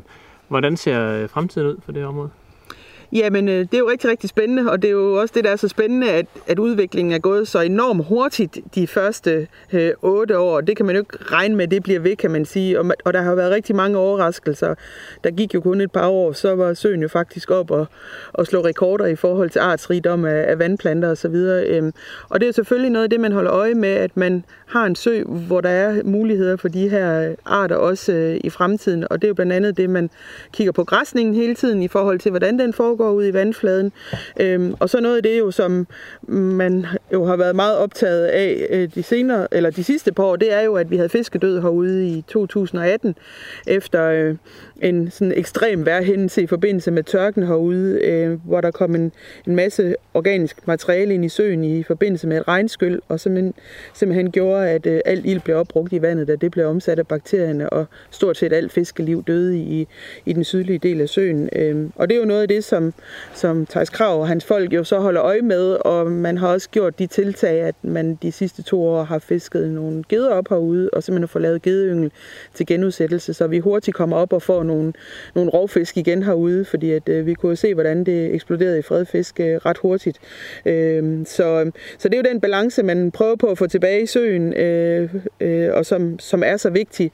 Øh, og der er det jo så også heldigvis det, at, at fordi man jo hele tiden moniterer og hele tiden ved nogenlunde, hvor man er, så kan man også øh, øh, tage de skridt, der skal til for, at det kommer til at gå i en rigtig retning. Øh, og der er allerede set forbedringer i år i forbindelse med fiskundersøgelserne i forhold til sidste år, så vi håber, at, at søen er, i, er på vej i en god gænge igen. Øh, så, men det er jo samspil mellem så utrolig mange faktorer, der betyder noget, øh, og det er jo spændende, og, og, og jo ikke mindst det her landskab også, der ligger omkring i forhold til, hvad der er af, af fugle og dyreliv og planteliv herude. Ikke også? Så, så, så det er spændende også, når vi sidder og snakker om målsætning ud over vores egen levetid. Hvad forestiller vi os med filsøer med 50 eller 100 år? Ikke også? Øh, øh, og man kunne jo måske i hvert fald have sådan et, et, et ønske om, at søen måske ikke var helt så næringsstofbelastet i fremtiden, fordi at det, det kunne også være med til at hjælpe søen i, i, en, i en bedre retning. Øh, den er jo på mange måder øh, en, en fantastisk sø, og og, og er jo kommet til at indeholde meget mere, end man regnede med, men, øh, men er jo stadigvæk øh, noget næringsstofbelastet. Så, øh,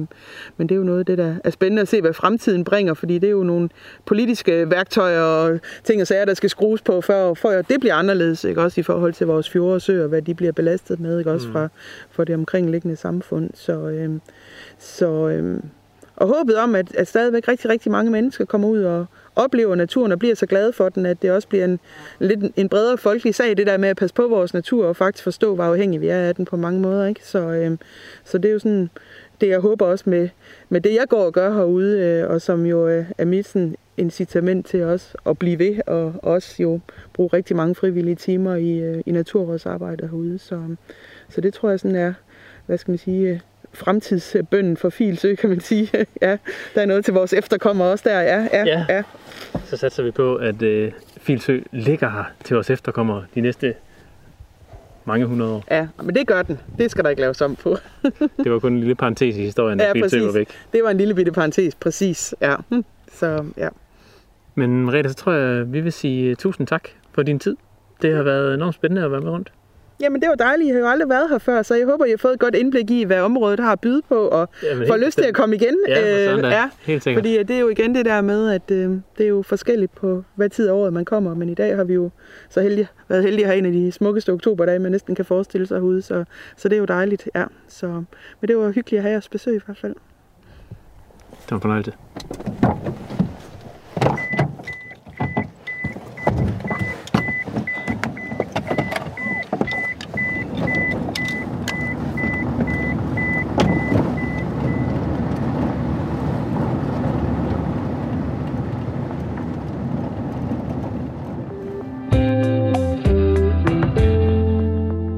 Så er vi tilbage i studiet, hvor jeg har besøg af lektor Tejs Krav fra Syddansk Universitet. Og øh, Tejs, øh, det har jo ikke sådan bare været, hvad kan man sige, mm, det er jo ikke bare gået glat med den der filsø, fordi for et par år siden, så vidt jeg husker, så var der en voldsom hændelse med, med fiskedød, eller var det sidste år? Det var i 2018 okay. i uh, i august måned. Det er jo ikke det, man ønsker. Hvis man lige har genoprettet et sø, så vil man ikke så gerne have, at alle fiskene pludselig går hen og dør. Nej. Øh, Øhm, og en af, altså det vil sige, normalt, når der sker de her fiske, kan man sige, markante fiskedødshændelser, så har vi ikke rigtig en idé om, hvad pokker der foregår derude. Øh, og normalt, så, som vi har talt om tidligere, så, så siger man, jamen det skyldes nok, at man har haft en for stor mængde næringsstoffer, og så øh, har det givet en stor algeopblomstring, og de alger, øh, de er så døde, sunket til bunds, og så forbrugt al ilten i selve søen.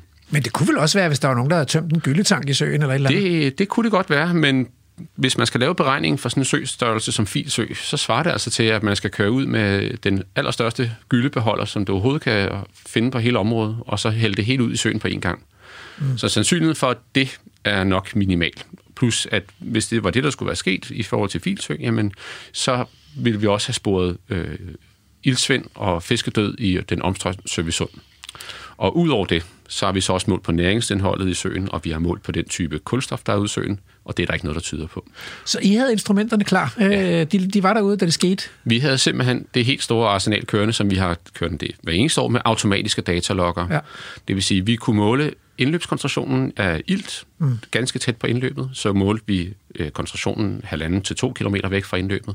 Og så måler vi koncentrationen i øh, Mellemsø, som er den nordlige af bassinerne i Filsø.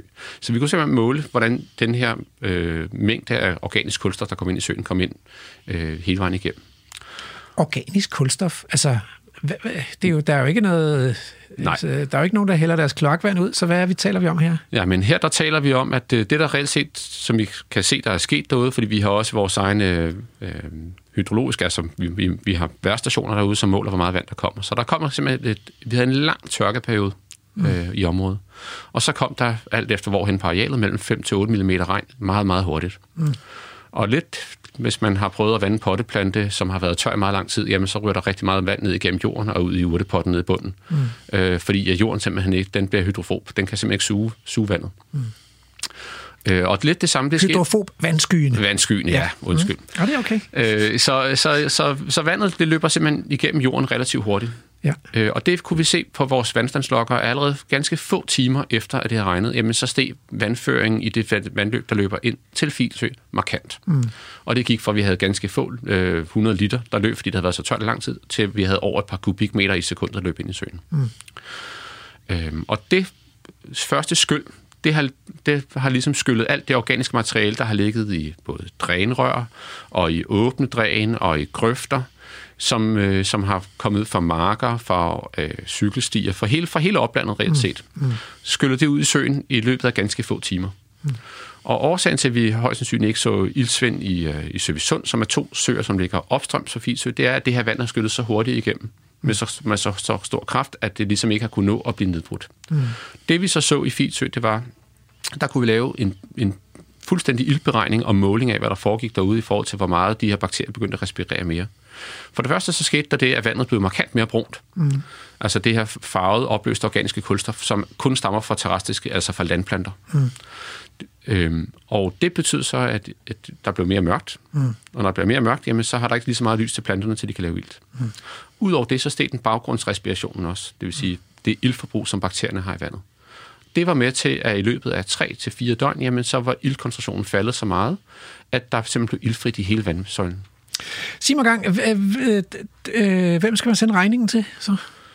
for sådan en fiskedød der? Jamen- Desværre, altså, vi har købt en sø og lavet en sø her, og, og, nu- og nu er alle fiskene døde. Jamen, det er jo lidt svært, fordi det er hele oplandet op til Filsø.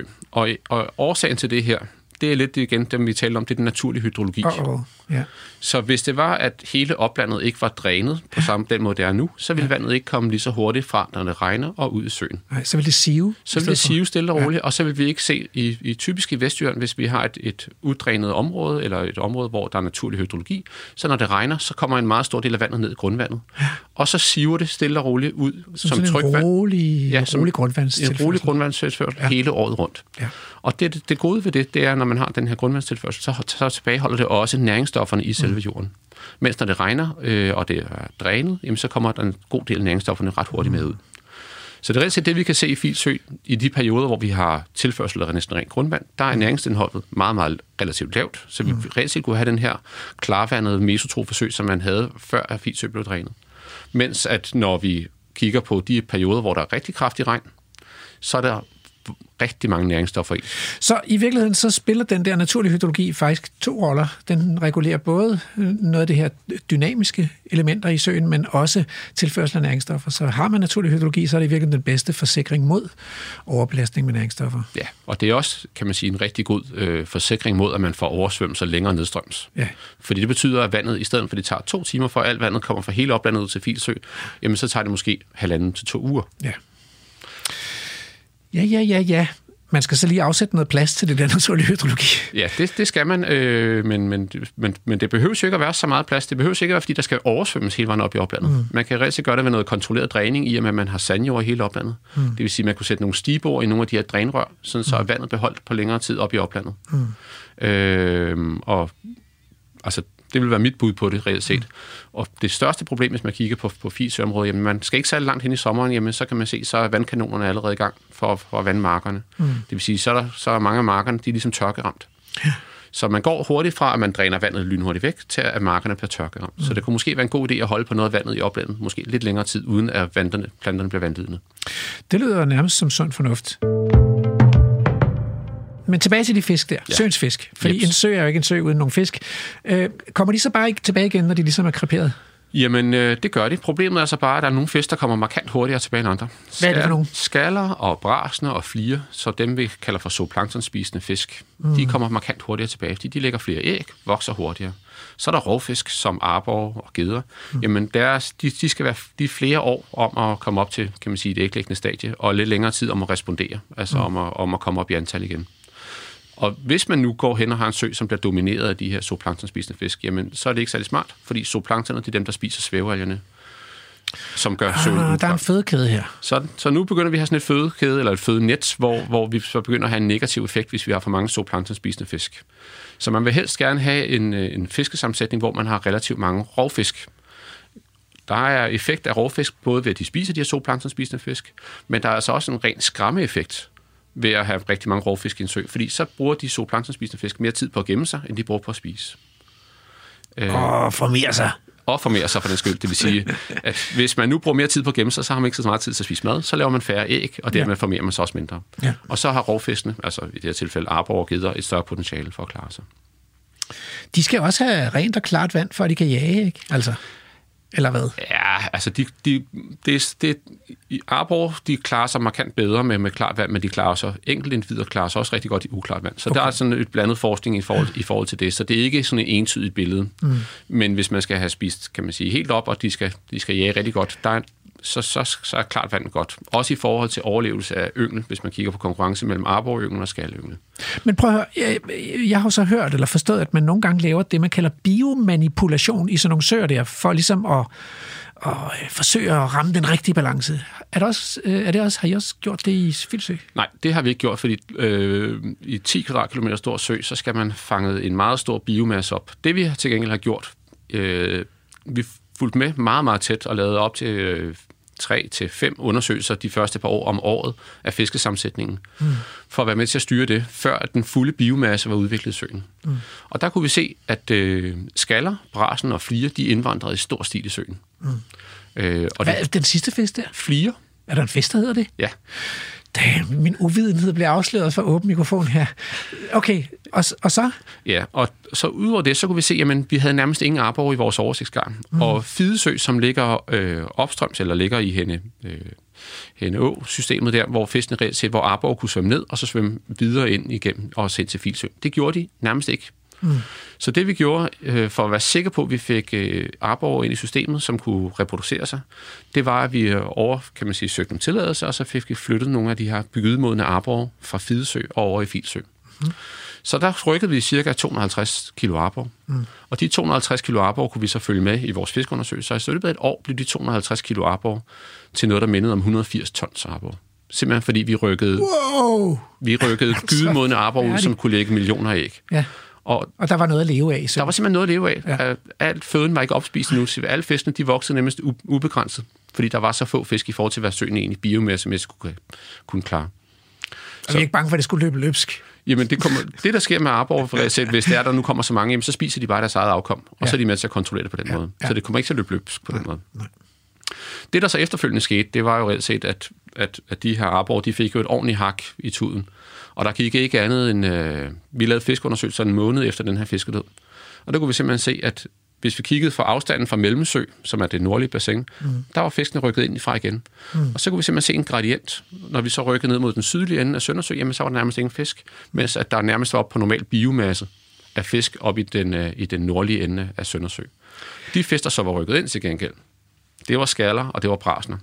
Meget relativt få arbor var fuldt efter, øh, og gederne var nærmest helt udryddet. Wow.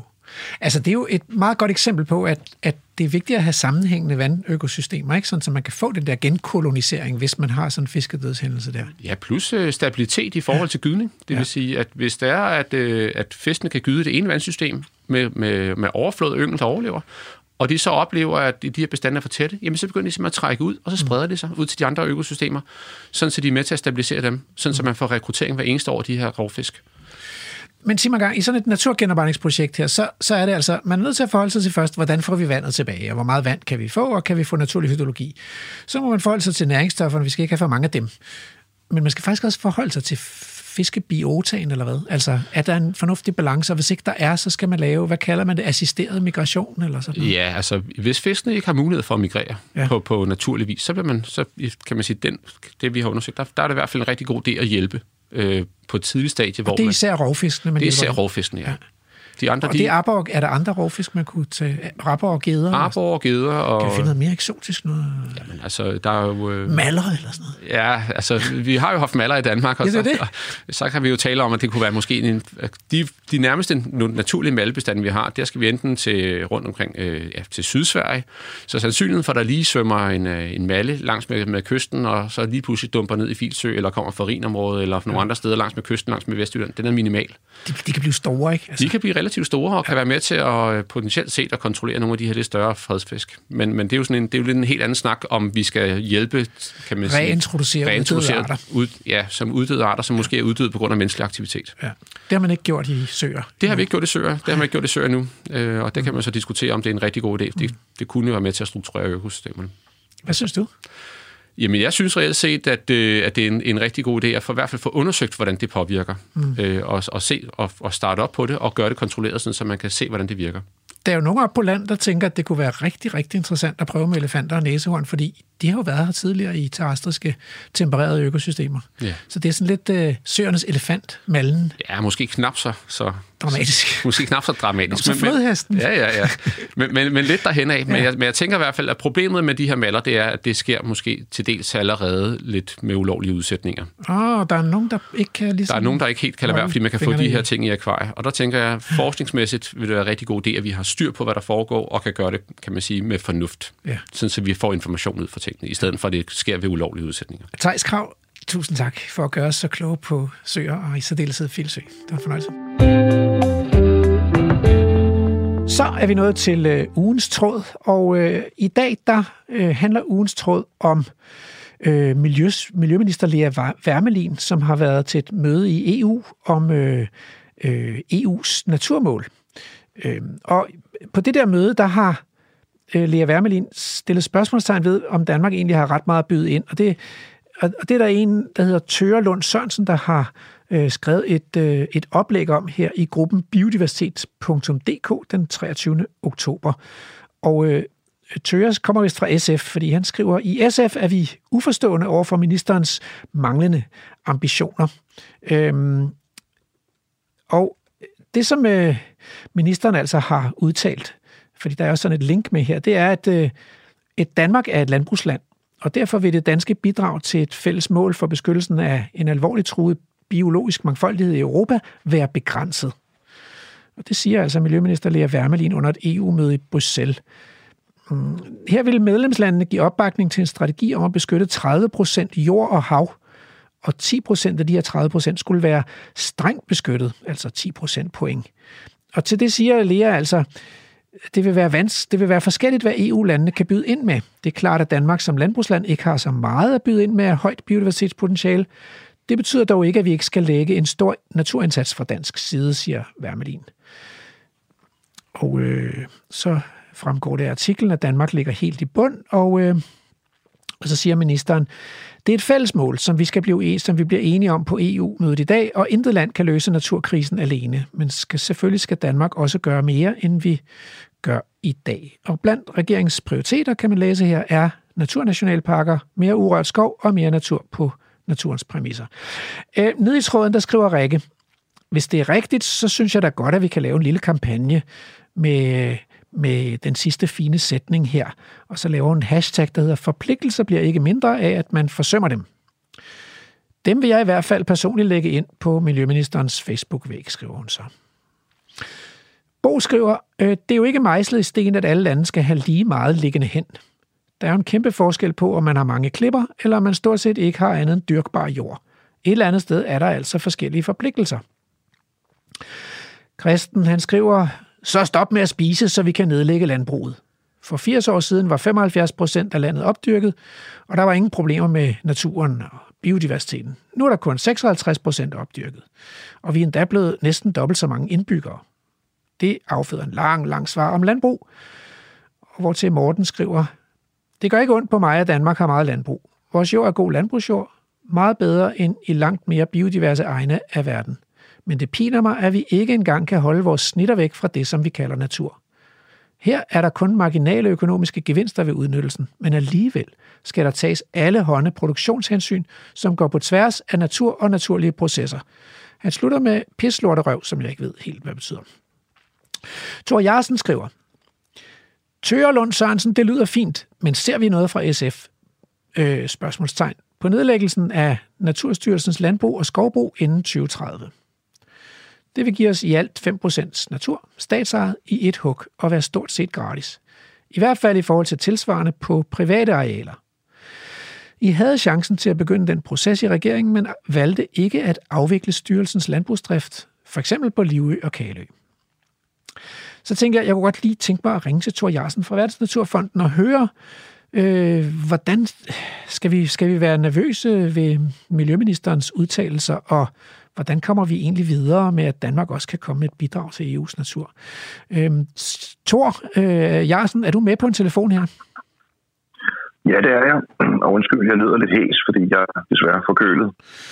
Puha, altså bare du ikke har fået den her virus, you know. Det håber jeg ikke. Nej.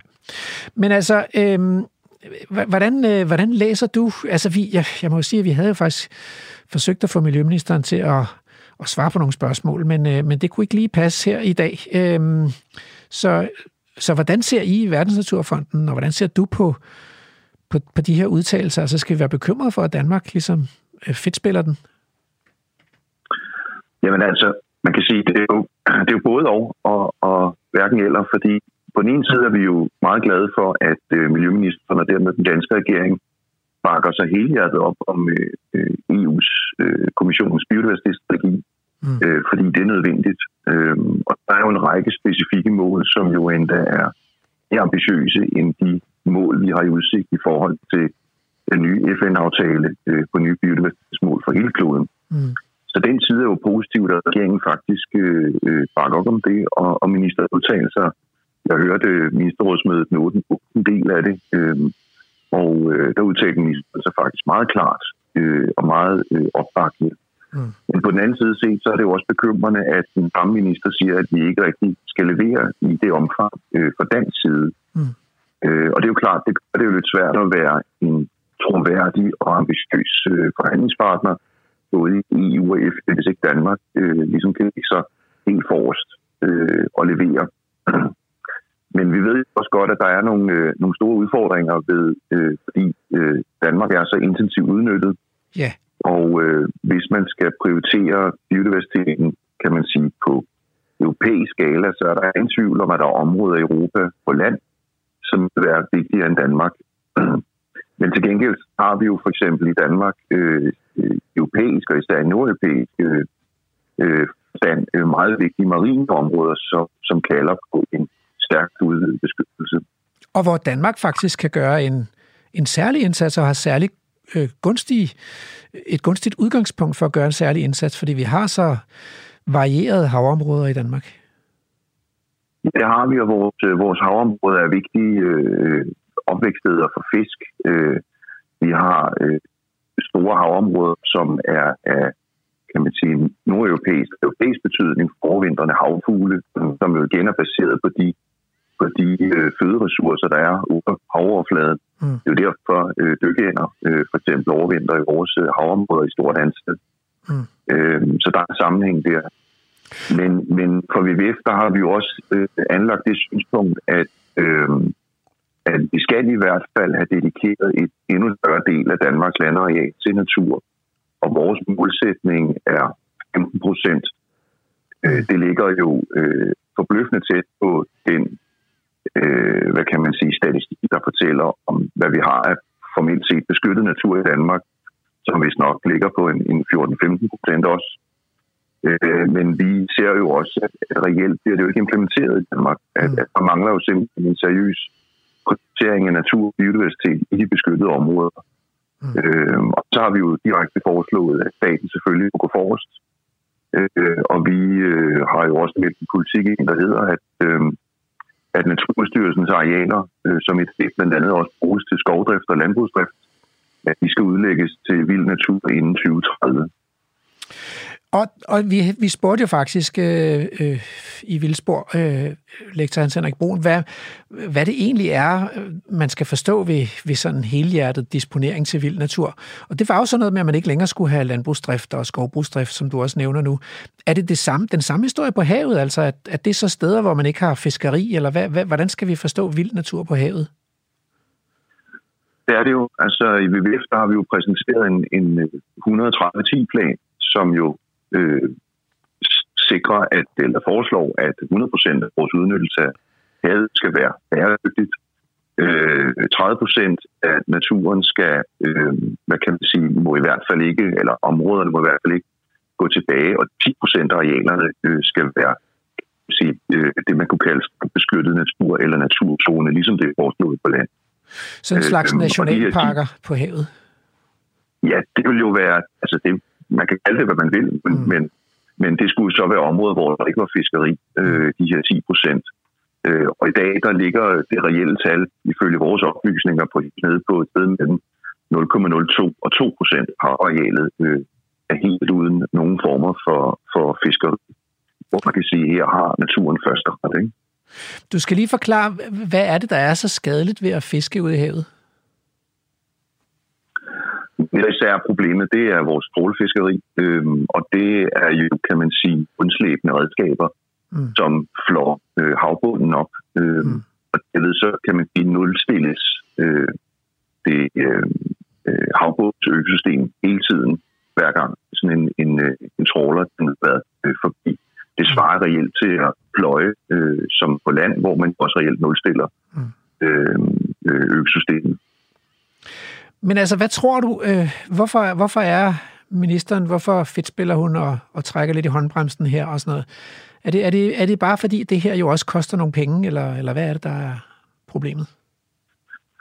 Der er der ingen tvivl om, at, at, øh, at ministeren skal også øh, varetage nogle interesser for landbrug, fiskeri og skovbrug. Mm.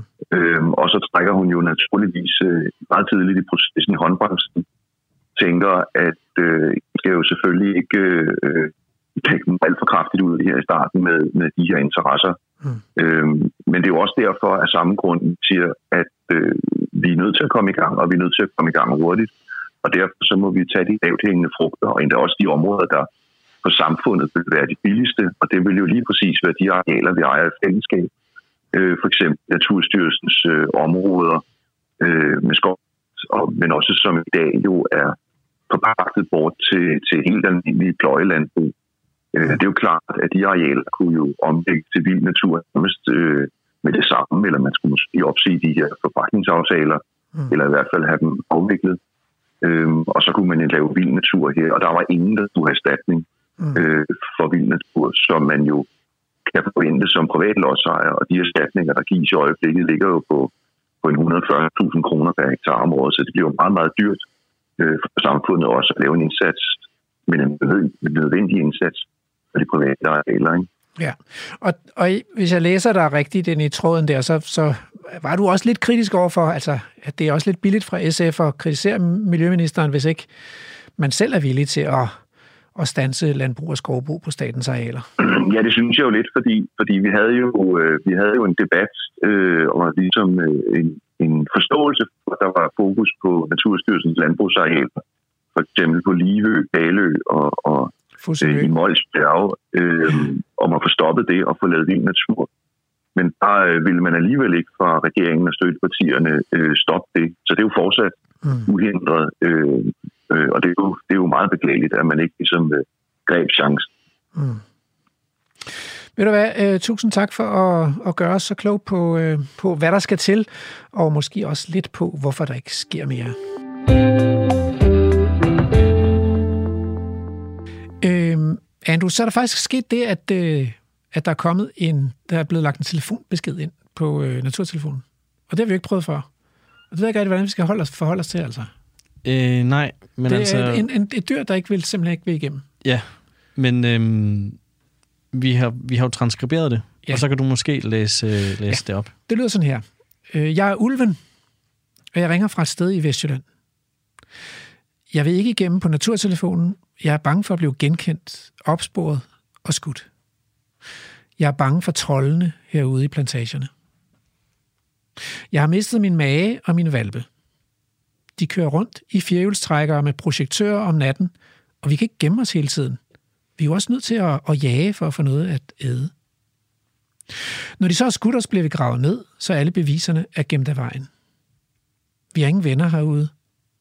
Selvom det kun er en lille trolde her, som forfølger os, så er der rigtig mange, som synes, at det var bedst, hvis der ikke var nogen ulve. Og så går den gamle trold bare rundt og praler. Du har jo et naturprogram, Rasmus. Kan du ikke gøre noget? Kan du ikke hjælpe med at gøre Danmark til et mere sikkert land for mig og min familie? Vi har familie i Tyskland, Sverige, Norge, Finland og Polen, og ingen steder er så farligt at bo som i Danmark. Jeg ved godt, at I mennesker har jeres egne problemer med forfølgelse af dem, som er anderledes og undertrykte. De sorte, kvinderne, børnene, flygtningene. Men det er altså intet imod, hvad jeg oplever herude i Vestjylland lige nu. Hjælp mig. Ja, det var jo en, øh, en barsk besked øh, at få på, øh, på naturtelefonen. Jeg ved sgu ikke rigtigt. Det, det er jo ligesom om, der er et mønster, ikke, øh, når vi taler om natur. Sådan et mønster med, at, at der er flere og flere, der ikke vil tale altså med os. Ja, vi var jo ikke så heldige med Lea Wermelin. Nej, præcis. Øh, jeg var jo i kontakt med deres øh, presseafdeling, øh, og øh, jeg var lidt ked af, at jeg bare fik en mail tilbage om, at det stod, det kunne de ikke. Og så spurgte jeg, om det var tidspunktet, og det har de ikke svaret på. Hun har faktisk også engang udtalt, ikke, at, at hun så da helst, at der ikke var ulv i Danmark. Den kunne man også godt spørge hende om, men det kan også være, at hun heller ikke har lyst til at tale om det, faktisk. Ja, det... Og ja. tidligere har vi haft problemer med, med dem, der synes, at, at, at biavl ikke er noget problem. De vil heller ikke tale med os i radioen. Nej. Og, øh, Tager du det personligt? Nej, det synes, nej, men jeg er indineret over det. Altså, fordi jeg synes jo, vi har demokratiet i Danmark, får jo meget vanskelige vilkår, hvis, hvis at hver gang der er noget, der sådan klemmer lidt, eller kan være lidt problematisk, eller hvor man kan komme til at genere nogen ved at sige sin ærlige mening, at, at man så ikke vil sige sin ærlige mening. Mm. Fordi så får vi jo sådan et, øh, et hyggesamfund med rygklapperi, og altså, der er jo brug for, at der er brug for, at pressen ligesom kan ringe og få en udtalelse. Mm. Ja. Selvfølgelig, især hvis man er folkevalgt politiker, men, men jo også hvis man er statsansat forsker. Eller, altså, så tænker jeg, det, det er lidt vigtigt, at vi kan have den der offentlige samtale. Ja, altså det, det, er jo, det er jo ærgerligt, at der er nogen, der måske kan beskylde os for, at vi ikke undersøger alle, Præcis. Øh, alle kroge. Men det kan vi jo så ikke, fordi at vi ikke kan komme igennem til dem, vi gerne vil snakke med. Og det, men altså, vi må, det, vi må prøve igen med, med Lea. Det er jo, hun, øh, altså, det kan være, hun har tid på et andet tidspunkt, og så synes jeg, vi skal tage det op igen. Fordi det... Tror du, man kunne klage til ombudsmanden, altså, over, hvis folk ikke vil ytre sig til pressen? Til, fordi vi har, det er jo meget skægt. Hvad skal vi bruge en fri presse til, hvis folk ikke vil snakke med den der frie presse? Ja, det, Ja, det er lidt over øh, øh, min, min rolle at vide, om, om I kan snakke om ombudsmanden, så det ved jeg faktisk ikke. Der var en gammel Shubidua-nummer, hvor et af versene lød, vi ringer til ombudsmanden en af dagene. Ja. tror jeg. Det, det var handlede i hvert fald om sexchikane. ja. Øhm, men måske er den politisk ukorrekt, fordi det var vist med omvendt foretegn. Men øh, jeg kan mærke, jeg, jeg tror lige for at dulme nerverne, så tror jeg, så fader jeg lige så stille øh, musikken ind igen, som vi havde startet. Det var meget afslappende, ikke? Så den, den fader lige så stille ind, og så ved jeg ikke, om du måske vil runde programmet af, eller har du, Jo. har du en sidste svada, du gerne vil fyre? Nej, men altså, jeg, jeg har selvfølgelig skrevet et haiku, Ja. så, og, og, og det er meget godt ikke at være alt for ophidset, når man læser det op. Det, haiku. det skal være mere sendagtigt, ikke? Ja, men øh, vi skal til at runde af. Vand giver liv. Men mængden af vand, kvaliteten af vandet og vandets naturlige dynamik og variation er afgørende for, hvilket liv der udvikles. Fra den grumsede grønne algesuppe i en næringsbelastet sø, til det krystalklare vand i en sø med vandaks, brassenføde og tvepibet lobelie. Vi har opdaget, at det er sjovere at bade i vandet end at skide i vandet, så der er håb for fremtidens danske søer. Tak til producerne Andrew Davidson og Emma Holtet for at have staget biologerne på vildspor tørskoet igennem dagens program. Tilbage er der kun at fremsige dagens haiku. Natur siver ind. Forfædres senrige dræn. Omvendt Atlantis. Programmet er produceret af Folkeuniversitetet og Aarhus Universitetsforlag for Radio 4.